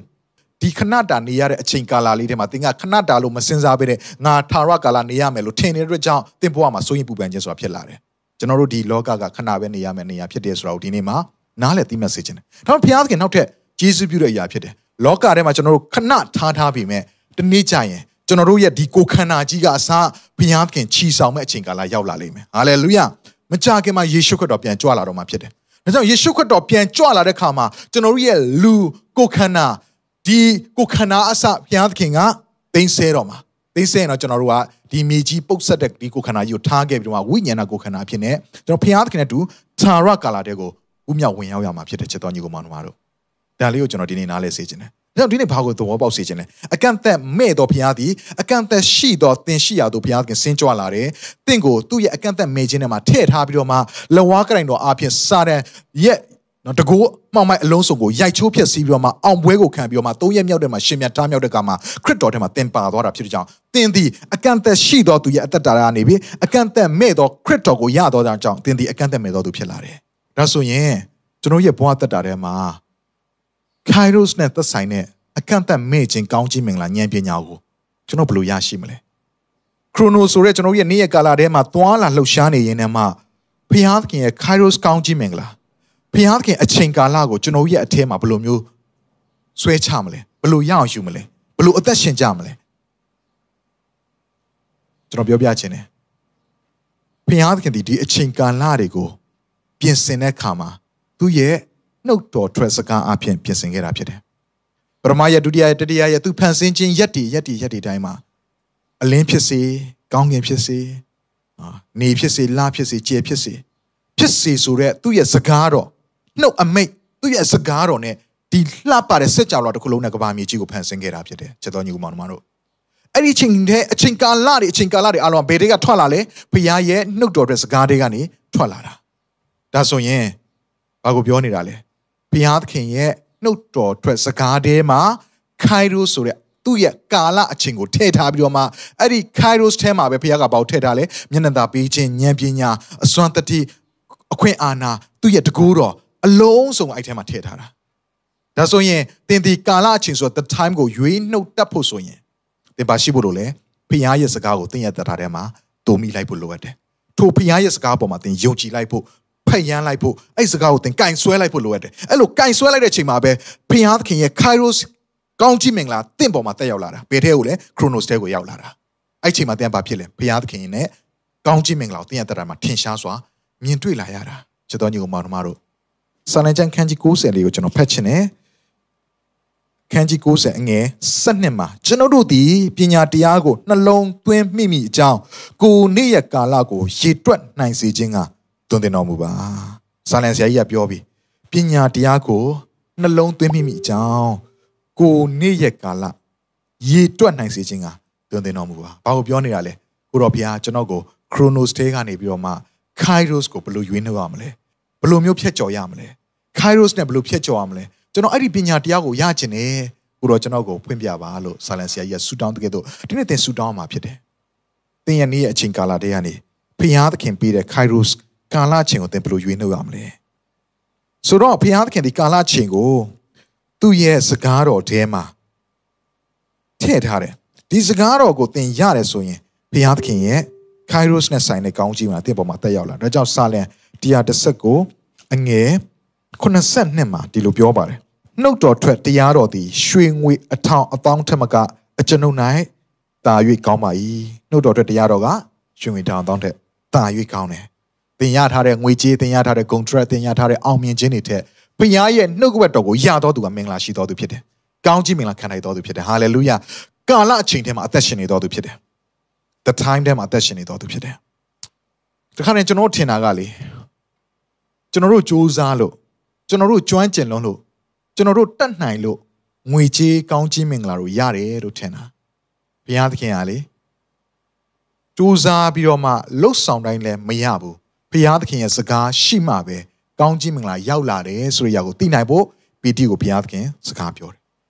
ပီတိဘာလို့လဲရေအိုင်နာမှာသူငါဖမ်းတယ်တညအားလုံးငါဖမ်းတယ်မရဘူးယေရှုခရစ်တော်ရောက်လာတယ်တရားဟောဖို့ရန်လို့ငါသူ့ရဲ့လှေကိုခဏအသုံးပြုတယ် ပြီးတော့ဗာပြောလဲပီတိကိုရေနဲ့ရာကိုရွှေ့ပါငါ့ကိုဖမ်းပါဟာကိုတော့ကျွန်တော်တညာလုံးစူးစမ်းခဲ့ပြီပြီ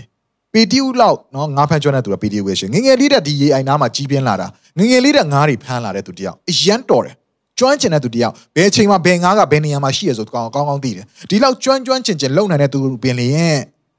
ရေရှိတိုင်းလဲ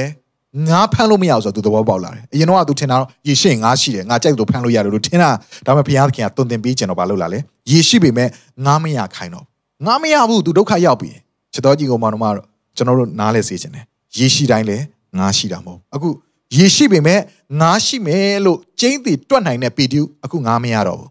ဘုရားကဘာပြောလဲရေနဲ့ရကိုရွှေ့ပါလက်ရဘက်မှာပိုက်ကုံကိုချပါ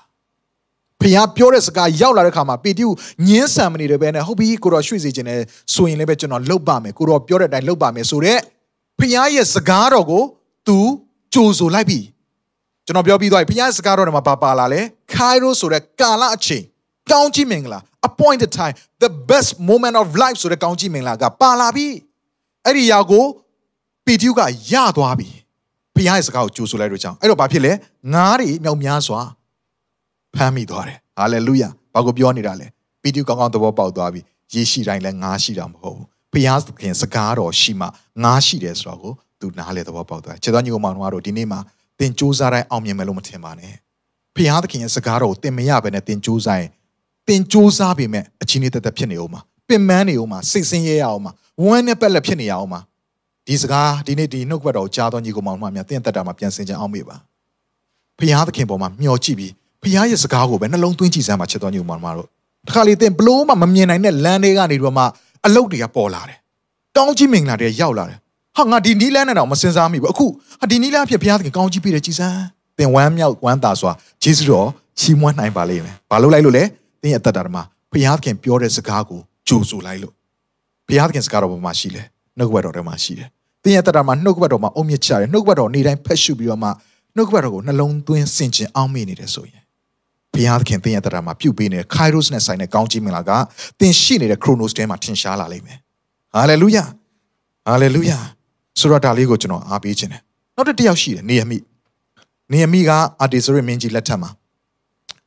အမှုဆောင်ရတဲ့သူတစ်ယောက်ဖြစ်တယ်။တိမ်သွားကြုံခံရတဲ့သူတစ်ယောက်ဖြစ်တယ်။ယေရုရှလင်မြို့နဲ့မြိုင်ပေါင်းများစွာဝေးတဲ့အရက်မှာသူရောက်နေ။ရန်သူရဲ့နေမြေထဲမှာသူရောက်နေတယ်အသက်ရှင်နေရတယ်။သူကဖလားတော်ဝင်တဲ့အနားမှာသူနေနေရတာဖြစ်တယ်အဲ့တော့တရက်တော့သူ့ရဲ့ညီကယေရုရှလင်မြို့ကနေပြန်လာတဲ့ခါမှာသတင်းစကားပါလာတယ်ယေရုရှလင်မြို့ရိုးတွေကပြိုပြက်ပြီးတော့မှ အဲ့မှာရှိတဲ့ဣသရေလလူမျိုးတွေအရန်အနှိမ့်ဆက်ခံနေရတယ်အဖိနှိမ့်ခံရတယ်အနိုင်ကျင့်ခံရတယ်ဆိုတဲ့သတင်းနော်မီးလောင်ပျက်စီးနေတဲ့ဆိုတဲ့သတင်းကိုကြားတဲ့ခါမှာနေမီနှလုံးသားထဲမှာအရန်ကြေခွဲတယ်အရန်ဝမ်းနေတယ်ပူဆွေးတယ်သူငိုကြွေးတယ်တဲ့ဘုရားသခင်ရှေ့မှောက်မှာကျမ်းစာထဲမှာနေမီမှတ်စာထဲမှာတွေ့ရတယ်သူငိုကြွေးတယ်ငိုကြွေးတယ်အင်တန်ကာလပတ်လုံးသူငိုကြွေးတယ်လို့ပြောတယ်စဉ်းစားကြည့်ပါသူဒီဘယင်းရဲ့အနားမှာအနီးဆုံးနေရတဲ့သူဖြစ်တယ်ဖလားတော်ဝင်ဖြစ်တဲ့ကြောင့်ဘယင်းစားတော့မရဘယင်းရေစာတိုင်းမှာသူကဖြည့်ပြီးနေရတာ သူကရှိနေပေးရတာပြောရရင်ဘယင်းနဲ့တွေ့နေရတဲ့အချိန်ကာလအများဆုံးကိုပိုင်ဆိုင်ရတော့သူဖြစ်တယ်ဘယင်းစီမှာပြောလိုက်ရင်ပြန်ကျင်တယ်ကျွန်တော်ကျွန်တော်ကိုပြန်ခွင့်လေးပြုပါကျွန်တော်တစ်ချက်လောက်ပြန်ကျင်တယ်လို့ပြောရင်ပြောလို့ရတာပဲဒါပေမဲ့လေသူဒီဖျားသခင်ရဲ့စကားဖျားသခင်ရဲ့ကာလအချိန်နဲ့သွားတော့သူဖြစ်ကြောင်းထင်ရှားတယ်ဘာကြောင့်လဲအဲ့အခွင့်အရေးကို तू စူးစမ်းပြီးအတင်းအကျပ်လုံးမယူဘူးကျွန်တော်ညမောင်တော့ကျွန်တော်ယုံကြည်သူဖြစ်ပေမဲ့တစ်ခါတည်းမှာကျွန်တော်တို့ဒီအခွင့်အရေးတွေကိုကိုယ့်ရဲ့လက်နဲ့ကိုစူးစမ်းပြီးဖန်တီးလေးရှိကြတယ် ငါအောင်မြင်ဖို့ဘယ်လိုအခွင့်အရေးတွေလုပ်ရမလဲဘယ်အခွင့်အရေးတွေငါယူရမလဲငါဒီစီးပွားရေးအောင်မြင်ငါဘာအခွင့်အရေးတွေသုံးချရမလဲကျွန်တော်တို့စူးစမ်းပြီးအခွင့်အရေးအခွင့်အရေးအခွင့်အရေးဆိုတာကိုရှာဖွေတယ်ကျွန်တော်ပြောပြခြင်းနဲ့ Kairos ကာလအချိန်နဲ့တွားတော့သူဘုရားခင်အချိန်နဲ့တွားတော့သူကဘယ်တော့မှအခွင့်အရေးတွေကိုစူးစမ်းပြီးလုပ်မယူဘုရားရဲ့အချိန်ကာလကိုစောင့်တယ် Hallelujah Amen အဲ့တော့သူဘာလုပ်လဲသူနေတိုင်းဘုရားသခင်ရှေ့မှာမှာငိုကြွေးပြီးဘုရားသခင်ဘယ်ချိန်မှာသူ့ကိုသွားစေလို့လဲဘုရားရဲ့အချိန်ကိုသူစောင့်တယ် ငိုကြွေးတယ်ဆူတောင်းတယ်စောင့်တယ်ဆူတောင်းတယ်စောင့်တယ်ဆူတောင်းတယ်စောင့်တယ်သူ့ရဲ့ဘေးနားမှာခွင့်ရေးဆိုတဲ့ရှင်ပြန်ကြီးကတရားလုံးရှိနေတာတော့မှသူအဲ့ခွင့်ရေးကိုမယူဘူးပြောရင်ပြောလို့ရတယ်အခွင့်ရေးကိုမယူဘူးဘုရားသခင်အချိန်ကာလကိုသူစောင့်နေတယ်စောင့်နေတယ်ဘယ်လောက်ကြာသွားလဲသိလားခိတလူလကနေနိဒန်လတိကြာသွားတယ်လီလတိတိကြာတယ်သူ့ရဲ့နော်ဟေဟေဘရူးစ်တွေရဲ့ကလန်ဒါကိုပြန်ကြည့်တဲ့အခါမှာလေးလတိတိကြာတယ်အဲ့ဒီလေးလအလုံးလုံးသူဆူတောင်းနေတာသူငိုကြွေးနေတာသူစ조사ပြီးမရှာဘူးသူငိုကြွေးပြီးဆူတောင်းနေတာ လေးလလွန်တဲ့အခါမှာဘုရားသခင်ကကာလအချိန်တည်းမှာစိတ်ရှည်စွာနဲ့စောင့်ဆိုင်တတ်သောနေရမိတွေရှင်ဘီရဲ့နှလုံးသားကိုတူးထီပြီးတော့မှသူ့ဘက်ကိုမျက်နှာလှည့်စေလာတယ်မင်းဘလို့ဖြစ်တာလဲငါ့ကိုပြောပါအောင်နေရမိကပြောပြီးဘုရားသခင်ပြင်ဆင်ပြီးတဲ့အခွင့်အရေးရောက်လာမှပဲနေရမိကပြောလိုက်တဲ့အခါမှာတစ်ချက်တည်းနဲ့သူလိုအပ်သမျှအားလုံးကိုပြတ်သွားတယ်ဒါကျွန်တော်တို့ကနော် တစ်ချက်ခုံနှစ်ချက်ပြက်အကွက်တွေကိုကျွန်တော်စဉ်းစားတယ်လေလူနဲ့ကျွန်တော်ကြားကွက်တွေပဲထွင်ရင်လေအာကိုကအာဝမ်းသာပြီးနှစ်ကောင်စားဖို့လုပ်လိုက်တာဟိုကလေးကောင်ပြန်စားသွားတာခံလိုက်ရတဲ့အရာရှိတယ်တစ်ချက်ခုံနှစ်ချက်ပြက်ဆိုတဲ့အရာတွေကျွန်တော်စဉ်းစားတယ်ဒါပေမဲ့ကာလအချိန်နဲ့သွားတော့သူအတွက်ဘုရားခင်ပြင်ဆင်ပေးတဲ့ Kairos blessing ကပါလဲတစ်ချက်ခုတ်လိုက်တာနဲ့လိုတလောက်ပြက်တယ်နေမီးတဲ့ မင်းသွားတဲ့ခါမှာတဲ့စစ်တက်လိုမှာပဲနေမီးကလေဒီလိုမပြောဘူးရှင်မြင်းကြီးကျွန်တော်သွားရင်လေစစ်တက်တက်တက်လိုတယ်လမ်းမှာသွားရင်လည်းစားဖို့အတွက်တော့ရိတ်ခါတွေလိုတယ်နောက်ပြီးတော့မှကျွန်တော်နေမြေတွေဖြတ်တဲ့ခါမှာနေမြေဖြတ်တန်းခွင့်ရမယ်နော် passport ပေါ့နော်ဒီဖြတ်တန်းခွင့်လက်မှတ်တွေကျွန်တော်တို့လိုတယ်အာကျွန်တော်တို့အဲ့မှာစောက်ဖို့ရအတွက်ကျွန်တော်တစ်သားတွေလိုတယ်ကျွန်တော်တို့ရွှေငွေတွေလိုတယ်ဟာဘာလိုတယ်ညာလိုအများကြီးသူမပြောဘူးကျွန်တော်ရဲ့ခက်ခဲကဒီလိုရှိတယ်ကျွန်တော်အဲ့နေရာကိုသွားခြင်းနဲ့တစ်ချက်လေးပဲပြောလိုက်တာရှင်မင်းကဘာပြောလဲ အမင်းသွားရင်စစ်တက်လို့လိမ့်မယ်မင်းသွားရင်လမ်းမှာဖြတ်သွားလို့ရအောင်တော့နိုင်ငံတို့ဖြစ်တဲ့ခါမှာအဆင်ပြေအောင်လို့ငါလက်မှတ်ရေးထိုးပေးလိုက်မယ်တဝင်လွာယူသွားအဲ့စာရွက်ကိုပြရင်မင်းတို့ဖြတ်တန်းခွင့်ရမယ်အာမင်းတို့ဘေးနားမှာကုညီမဲ့သူတွေဒီနိုင်ငံကတစ်ကအရန်ကောင်းတယ်ဒီနိုင်ငံကရွှေကရှိတယ်ဒီနိုင်ငံမှာဘာရှိတယ်ညာရှိအကုန်အဲ့ဒါတွေမင်းတို့ကို support ဖြစ်နိုင်ဖို့ငါစာတွေလှမ်းပို့လိုက်မယ်စဉ်းစားကြည့်ပါနေအမိတခုံးမှမဟာဘူးဖခင်ရဲ့အချိန်ကာလကိုစောင့်တက်တဲ့နေရမိကိုဘုရားခင်လှုပ်ပေးလိုက်တော့သူတစ်ချက်ပဲပြောတယ်လိုအပ်သမျှအားလုံးဘုရားခင်ဖြည့်ဆည်းပေးလိုက်တယ်ဟာလေလုယာ ချစ်တော်ညီကိုမောင်မတို့သင်ဒီ Chronos ထဲမှာအခွင့်အရေးတွေရှာတော်သူဖြစ်တယ်ဆိုသင်ပင်ပန်းနေအောင်မယ်ဒါပေမဲ့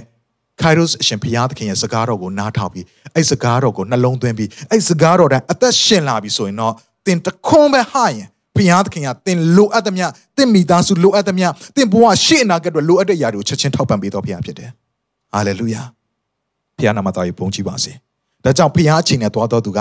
ဘယ်တော့မှလုံးဝမလောဘူးမလောပါဘူး။ ဘုရားရဲ့အချိန်ကာလထဲမှာသွားသွားတဲ့သူကနောက်တစ်ပါဖြစ်လဲဖျားအချိန်ကာလထဲမှာသွားတတ်တော်သူတစ်ချက်ခုတ်ရင်လိုသလောက်ပြတ်တဲ့ကောင်းကြီးမင်္ဂလာကိုရရှိတယ်နောက်တစ်ယောက်တွေ့ရတယ်အေးတတာအေးတတာကလည်းသူ့ရဲ့ဘဝတတာထဲမှာအချိန်ကာလတွေနော်သူ့ရဲ့နေ့ရက်ကာလတွေဖြစ်ကြတဲ့ခါမှာကာလအချိန်တစ်ခုကိုရွေးနှုတ်ဖို့ရန်အတွက်အချိန်တွေဖြစ်လာတယ်ဣသရေလတစ်မျိုးလုံးကိုအမြင့်ပြတ်ပြီးတော့မှအမြင့်ပြတ်တတ်ဖို့ရန်လို့ငါကြိုးစားတဲ့ဟာမန်ဆိုတဲ့လူတစ်ယောက်ရှိတယ် အဲ့တော့မော်ဒကဲကသူ့ရဲ့ဦးလေးဣသရာရဲ့ဦးလေးမော်ဒကဲကဣသရာလူမျိုးတစ်မျိုးလုံးတည်ရတော့မှအရေးရောက်လာတဲ့ခါမှာဣသရာကိုလာတွေ့ပြီးပြောတယ်မင်းရဲ့လူမျိုးတွေအသက်ခံရတော့မယ်မင်းရှင်ပြန်နားမှာရှိနေတာပဲအဲ့တော့မင်းတစ်ချက်ပြောလိုက်တာနဲ့အဆင်ပြေမှာပဲငါ့ကိုပြောပါနော်ငါတို့လူမျိုးတွေအတွက်မင်းပြောပြီးပါအယူခံဝင်ပေးပါဣသရာဘာလုပ်လဲသွားမပြောဘူးသူဆူတောင်းတယ်ပြင်ဆင်တယ်ကိုတော့ဒီလိုဒီလိုမျိုးပုံစံမျိုးဖြစ်လာတယ်ဆိုရင် ရှင်ပြန်ရှိကိုဝင်တဲ့ခါမှာရှင်ပြန်ကနှလုံးသားနုညွတ်ပြီးတော့သူ့ကိုလှန်တန်ကမ်းပေးတယ်ဆိုရင်ကျမဝင်မယ်အဲ့ဒီနမိတ်လက္ခဏာလေးကိုတော့ပြပါပြုပါဘာလုပ်လဲဣသဒကသူစူးစမ်းပြီးတော့မှရှင်ပြန်နာကိုချင်းကပ်ပြီးတော့မှလူအနေနဲ့စူးစမ်းခြင်းသူမလုပ်ဘူးဘုရားသခင်ရဲ့ကာလအချိန် Kairos အချိန်ကိုသူစောင့်တယ်ဆူတောင်းရင်းနဲ့စောင့်တယ်ဆူတောင်းရင်းနဲ့စောင့်တယ်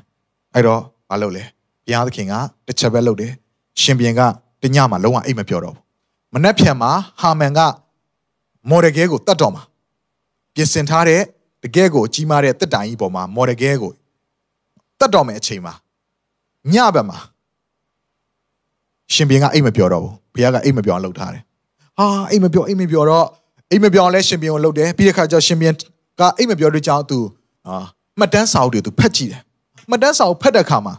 ရှင်ပြန်လှန်လိုက်တဲ့စာမျက်နှာမှာတန်းပြီးတော့မှမော်ဒယ်ကဲရဲ့နာမည်ကိုသွားတွေ့တယ်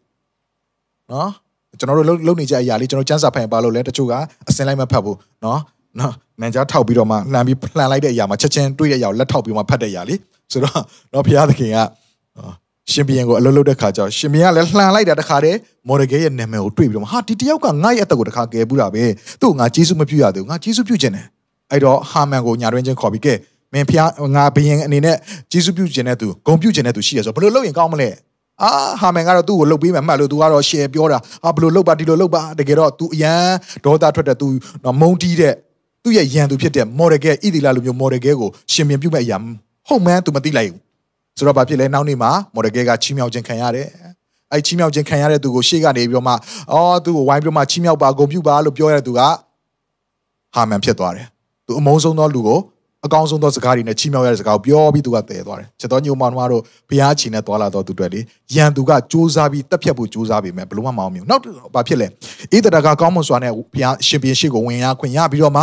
ရှင်ပြန်ရဲ့နှလုံးသားနုညွန့်ပျော်ပြောင်းတဲ့ခါမှာဘုရားကနှလုံးသားပြင်ဆင်တဲ့ခါမှာသူတစ်ချက်ပြောတယ်တစ်ခါပဲပြောတယ်ဒါပေမဲ့ရှင်ပြန်ကဘာလုပ်လဲဣသရလူမျိုးအားလုံးပျက်စီးရမယ့်ဘေးကနေကဲ့တင်နေတော့အခွင့်ကိုရှင်ပြန်ကပြင်ဆင်လိုက်တယ် ရန်သူကတေချာပေါက်ပြင်ဆင်ထားပြီးပြီဟာမန်ကတေချာပေါက်ယာနှုံးပြည့်နော်ဒါပြီးနော်လုံးဝသေပြီဣသရလူမျိုးတွေအားလုံးအမြင့်ပြတ်ပြီမော်ဒကဲလည်းတက်တိုင်ပေါ်မှာ तू သေသွားပြီလို့သတ်မှတ်ပြီးတော့မှပြင်ဆင်ထားတဲ့သူ့ရဲ့ plan ကြီးသူ့ရဲ့စီမံချက်ကြီးသူရေးဆွဲထားတဲ့အရာကလုံးဝ perfect ဖြစ်ပြီလို့ထင်တဲ့ချိန်မှာပဲဘုရားသခင်ကအဲ့ဒီရန်သူတတ်မဲ့တက်တိုင်ပေါ်မှာပဲရန်သူကိုပြန်ပြီးတော့မှတည်စီသွားတယ်တက်ခိုင်းလိုက်တယ်ချစ်တော်ကြီးကိုမောင်မတို့ဘုရားသခင်ရဲ့အချိန်နဲ့သွာလာတတ်တော်သူရဲ့ မှတ်တမ်းကလေဘယ်တော့မှပြောင်းမသွားဘူးလိုအပ်တဲ့ချိန်မှာဘုရားသခင်ကဆွဲထုတ်ပြီးတော့မှကောင်းချီးပေးတတ်တော်ဘုရားဖြစ်တယ်ဘုရားသခင်အချိန်နဲ့တွားလာတော့သူကရန်သူဘလောက်ပဲထကြွပါလိမ့်စေရန်သူကဘလောက်ပဲနီးလန်းနေမျိုးစုံပြင်ဆင်ထားပါလိမ့်စေသူတို့နီးလန်းနဲ့သူတို့ကိုပဲပြန်ပြီးကျွန်တော်တို့အနိုင်ရတော့ခွင့်ရတာဖြစ်တယ်ဟာလေလုယာဒီချိန်ကာလမှာကျွန်တော်တို့ရန်သူကချောင်းမြောင်းပြီးတော့မှစူးစမ်းပြီးတက်ဖြတ်ဖို့ရန်အတွက်ပြင်ဆင်ထားပြီမဲ့တင်ဒီခိုင်ရိုစ်ဘုရားသခင်အချိန်ကာလနဲ့တွားတော်သူဖြစ်တယ်ဆိုရင်ဒီနေ့အမြဘုရားသခင်စကားတော်ကိုသင်ရတဲ့မှာနားထောင်ပြီးတော့မှ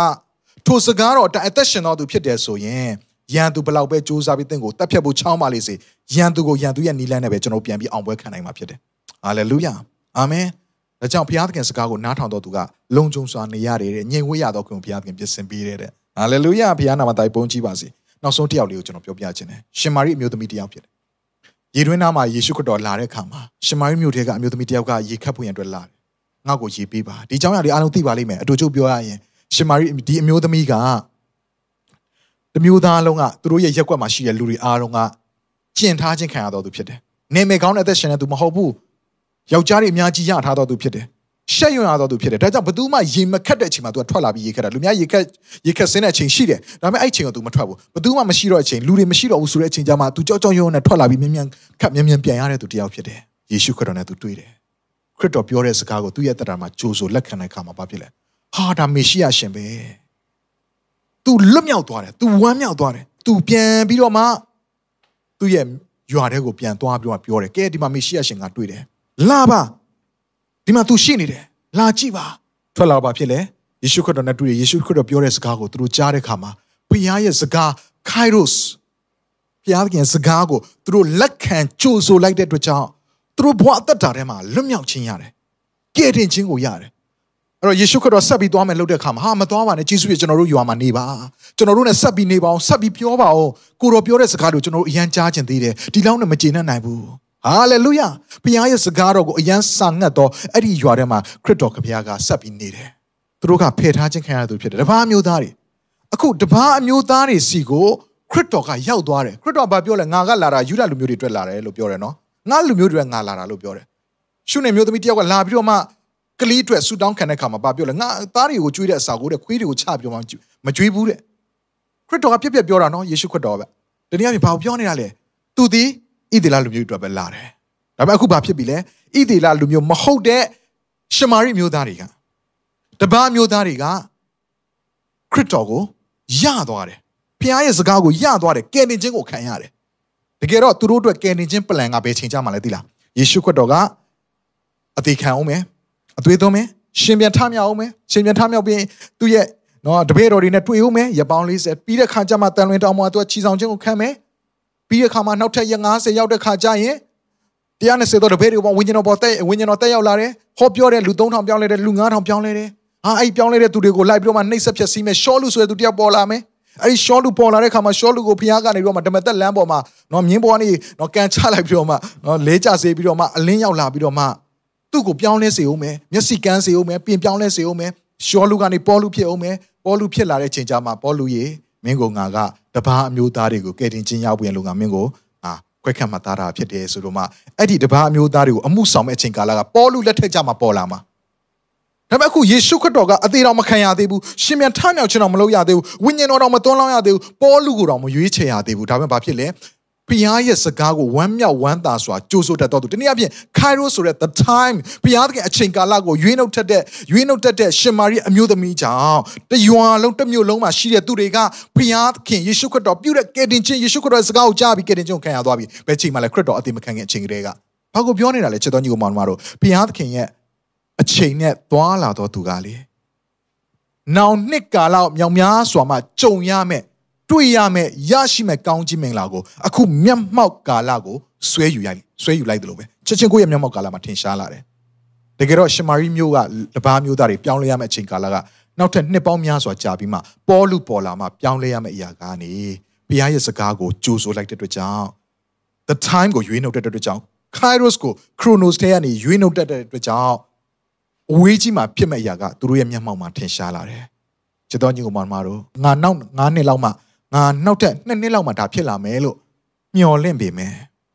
ထင်ရပေမယ်ဖခင်ရဲ့စကားကိုသင်ကြိုဆိုတတ်တယ်ဆိုရင်ဖခင်ရဲ့စကားကိုသင်ရဲ့နှလုံးသားထဲမှာနှလုံးသွင်းတော်သူဖြစ်တယ်ထိုစကားတော်တိုင်းအသက်ရှင်တော်သူဖြစ်တယ်ဆိုရင်နောက်ထပ်သင်စောင့်ရမယ့်နှစ်ကာလသည်ကြုံသွားပြီးတော့မှသင်ရဲ့မျက်မှောက်ကာလမှာပဲထင်ရှားလာလိမ့်မယ်ကျွန်တော်ရဲ့ဘဝသက်တာမှာအဲ့သက်သေခံချက်တွေအများကြီးပဲနောက်ထပ်9နှစ်နောက်ထပ်10နှစ်လောက်မှဖြစ်လာမယ်လို့ကျွန်တော်ကထင်တာ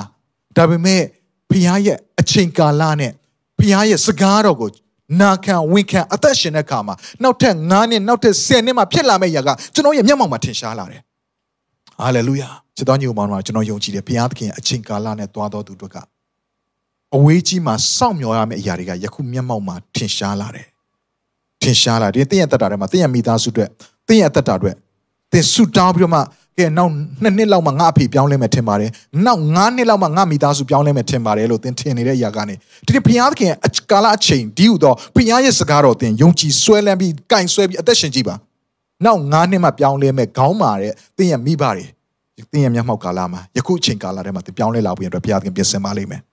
နောက်ချိန်ကာလမှာဖြစ်လာမယ်အမျက်အစွန်းတွေစီးပွားရေးတိုးတက်မှုအောင်မြင်မှုတွေဘုရားသခင်အချိန်ကာလနဲ့သင်သွားနေတယ် the time နဲ့ kairos နဲ့သင်သွားနေတယ်ဆိုရင် သင်ရဲ့မျက်မှောက်ကာလမှာလက်ငယ်မြင်ရမှာဖြစ်တယ်ထင်ရှားလာမှာဖြစ်တယ်ဟာလေလုယာဒါကြောင့်ဘုရားသခင်အချိန်နဲ့တွာလာတတ်တော်သူအဲ့ဒီလူကသူတယောက်တည်းလွတ်မြောက်ရုံသာမကပဲနဲ့သူ့ရဲ့ပတ်ဝန်းကျင်မှာရှိနေတဲ့တခြားသောသူတွေစီကိုလည်း Kairos ကောင်းကြီးမင်္ဂလာစီစဉ်သွားတယ်ရှင်မာရိအမျိုးသမီးကနေရှင်မာရိမျိုးသူမျိုးသားတွေစီကိုစီစဉ်သွားတဲ့ကဲ့သို့ ဒီနေ့သင်တယောက်တည်းကဘုရားသခင်စကားကိုကြိုဆိုတတ်တယ်သင်တယောက်တည်းပဲရှိလိမ့်မယ်ဒါပေမဲ့သင်တယောက်တည်းကပဲဘုရားသခင်ရဲ့စကားကိုသင်သက်တာထဲမှာတုံမိပြီးအဲ့ဒီအရာကိုအလေးမြတ်ထားပြီးအသက်ရှင်နေဆိုရင်သင်အားဖြင့်သင်ရဲ့မိသားစုက Kairos blessing ကိုခံစားမှာဖြစ်တယ်ဘုရားသခင်ရဲ့ကာလအချိန်နဲ့သက်ဆိုင်တဲ့ကောင်းချီးမင်္ဂလာကိုသူတို့လည်းခံစားမှာဖြစ်တယ်ဆိုတဲ့ရောက်ဒီနေ့ကနေကျွန်တော်ဝင်ကားခြင်းတယ်ဒါကြောင့်ဒီနေ့ဒီပထမပိုင်းနှုတ်ကပတ်တော်ထဲမှာဒီဟာအားဖြင့်ကျွန်တော်ခွန်အားပေးလို့တယ်သင်ရဲ့တက်တာ Chronos ထဲမှာပဲပိတ်မိနေတဲ့တက်တာမဟုတ်ဘူးရန်လုံးက သင်တက်တာကိုသင်ပြင်ဆင်ပါယနေ့မှာဘုရားခင်ဖွင့်ပြတဲ့နှုတ်ကပတ်တော်သင်ကြားရတယ်ဆိုရင်ယခုချိန်မှာကျွန်တော်သင်ကိုဘာလို့စီခြင်းလဲဆိုကိုရောဘုရားကိုရောရဲ့ကာလအချိန်ကိုတိမှတ်နိုင်ဘူးရန်လုံးကကျွန်တော်ကိုဉာဏ်ပညာပေးပါနောက်ပြီးကျွန်တော်အားပေးခြင်းနဲ့နှုတ်ကပတ်တော်ကိုသင်တက်တာမှာဖတ်ရှုပါဖက်ရှိအောင်သာမဟုတ်ဘဲနဲ့နှလုံးသားထဲမှာတုံမိပါအမြဲတမ်းစင်ကြင်အောင်းမိပြီးတော့မှသင်စင်ကြင်အောင်းမိတဲ့အရာကိုသင်ရဲ့အတွေးထဲမှာပဲမထားဘဲနဲ့လက်တွေ့ကြကြအသက်ရှင်လက်တွေ့ကြကြလိုက်နာအသက်ရှင်ပါအဲ့လိုလုပ်ရင် Chronos ထဲမှာရှိနေတဲ့သင်တတာတဲ့ကို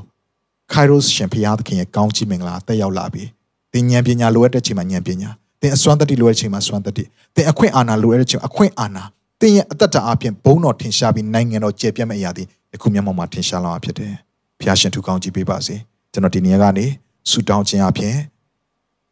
အဆုံးသက်ချင်ပါတယ်။ခဏလောက်ကျွန်တော်တို့ဆူတောင်းရအောင်။ဖဖျားကိုရောရဲ့ကျေးဇူးတော်ကိုချီးမွမ်းပါတယ်။ယနေ့ကြားတော်နှုတ်ကပတ်တော်အပြင် ဒါမလို့ဒီပညာမဲ့တော်သူမဟုတ်ဘဲနဲ့စိုးရုပ်နေတဲ့နေ့ရဲ့အချိန်ကာလတွေကနေကိုတော်ဖျားပြင်ဆင်တဲ့ကာလအချိန်ကိုရွေးနှုတ်နိုင်ဖို့ရလုံကယနေ့မှနှုတ်ကပတ်တော်အပြင်ကိုတော်ဖွင့်ပြတော်ကြောင့်ကျေးဇူးတော်ကိုချီးမွမ်းပါတယ်။ဒီကာလအချိန်ကိုပြင်ဆင်ထားတဲ့ကိုရောထည့်ထားတဲ့နှုတ်ကပတ်တော်ကိုရောရဲ့စကားတော်ကိုနားထောင်ပြီးနှလုံးသွင်းခြင်းအပြင်ထိုကိုရောဖျားရှင်နဲ့ဆိုင်တဲ့ကာလအချိန်နဲ့ဆိုင်တဲ့ကောင်းခြင်းမင်္ဂလာတွေဒါတို့ရဲ့အသက်တာ ဒါမျိုးရဲ့မိသားစုအသင်းတော်တိုင်းနိုင်ငံအလောက်ကင်တွေထဲမှာစီစဉ်လာပွင့်လုံငါယေရှုနာမဖြင့်ဒါမျိုးကြိုးဆိုပါတယ်လက်ခံပါတယ်။ဘာဗျာဒါမျိုးရဲ့အသက်တာထဲမှာနေတိုင်းအစဉ်ကိုရောရဲ့နှုတ်ကပတ်တော်နှလုံးသွင်းပြီးအသက်ရှင်ခြင်းအပြင်ဒါမလို့ဒါမကပဲနဲ့ဒါမလို့ပတ်ဝန်းကျင်မှာရှိရသူများအတိအသီးတွေလဲဒါမလို့ထဲမှာစီစဉ်လာတဲ့ Kairos blessing ကိုရိုနာဆိုင်တဲ့ကောင်းချီးမင်္ဂလာတွေတခြားသောသူတွေစီကိုလည်းဆက်လက်စီစဉ်နိုင်ဖို့ရတော့ကိုရောမဆာပါမြလက်တော်တဲ့အနန္နဲ့ ကိုရောပြင်ဆင်ထားတဲ့အခြေအနေတွေကျေးဇူးတင်တယ်ကိုရောပြင်ဆင်ထားတဲ့မိသားစုတွေကျေးဇူးတင်တယ်ကိုရောဖွင့်ပြတဲ့နှုတ်ကပတ်တော်တွေကျေးဇူးတင်တယ်ဝိညာဉ်တော်ဖခင်ကိုရောဖွင့်ပြခြင်းတွေလည်းကိုရောကိုကျေးဇူးတင်ပါတယ်ဘုန်းကြီးချင်းအားလုံးကကိုရောနဲ့ဆိုင်တာဖြစ်တဲ့ကြောင့်ကိုရောကိုဘုန်းကြီးချင်းကွန်ပျူတာလုံးစုံပေးရပါတယ်။ဘာဆက်ဆက်မင်္ဂလာရှိပါစို့ဝင်ခံလဲယေရှုနာမဖြင့်ဆုတောင်း၍စက္ကန့်နာမ၏ဖဖျား။အာမင်။ရရှိသူကောင်းချီးပေးပါစေ။ဒီအစီအစဉ်လေးအပြင်တင်းရဲ့အသက်တာမှာကောင်းကြီးဖြစ်မယ်ဆိုတာကို ကျွန်တော်ယုံကြည်ပါတယ်။ဗီဒီယိုကြည့်ပြီးခံယူလို့သူများအတွက်အပတ်စဉ်တရားဟောခြင်းများ Bible Study ကြီးမွန်ကိုယ်ွယ်ခြင်းနဲ့အခြားသောအကြောင်းအရာတွေဟာတင်းအတွက်အဆင်သင့်ရှိနေပါတယ်။ YouTube မှာ The City Space TV လို့ရိုက်ထည့်လိုက်တဲ့အခါကျွန်တော်တို့ကိုတွေ့ရှိမှာဖြစ်ပါတယ် subscribe လုပ်ခြင်းအပြင်သင်နဲ့ထက်ချက်မကွာအမြင်ရှိနေပါပါဒါအပြင် Facebook မှာလည်း The City ရန်ကုန်လို့ရိုက်ထည့်လိုက်တဲ့အခါတည်အချက်အလက်နဲ့ poster တွေကိုအချိန်နဲ့တပြေးညီတွေ့ရှိအောင်မှာဖြစ်ပါတယ်ခင်ဗျာ The City Podcast ကိုနားထောင်ကြတိုင်း ဖျားသခင်ရဲ့ထူကြသောဖွင့်ပြချက်နဲ့ကောင်းကြီးမင်္ဂလာများခံစားမိကြောင်းကျွန်တော်ဆုတောင်းရင်ဤစီစဉ်လေးကိုဒီမှာပဲညှိနှိုင်းပါရစေခင်ဗျာ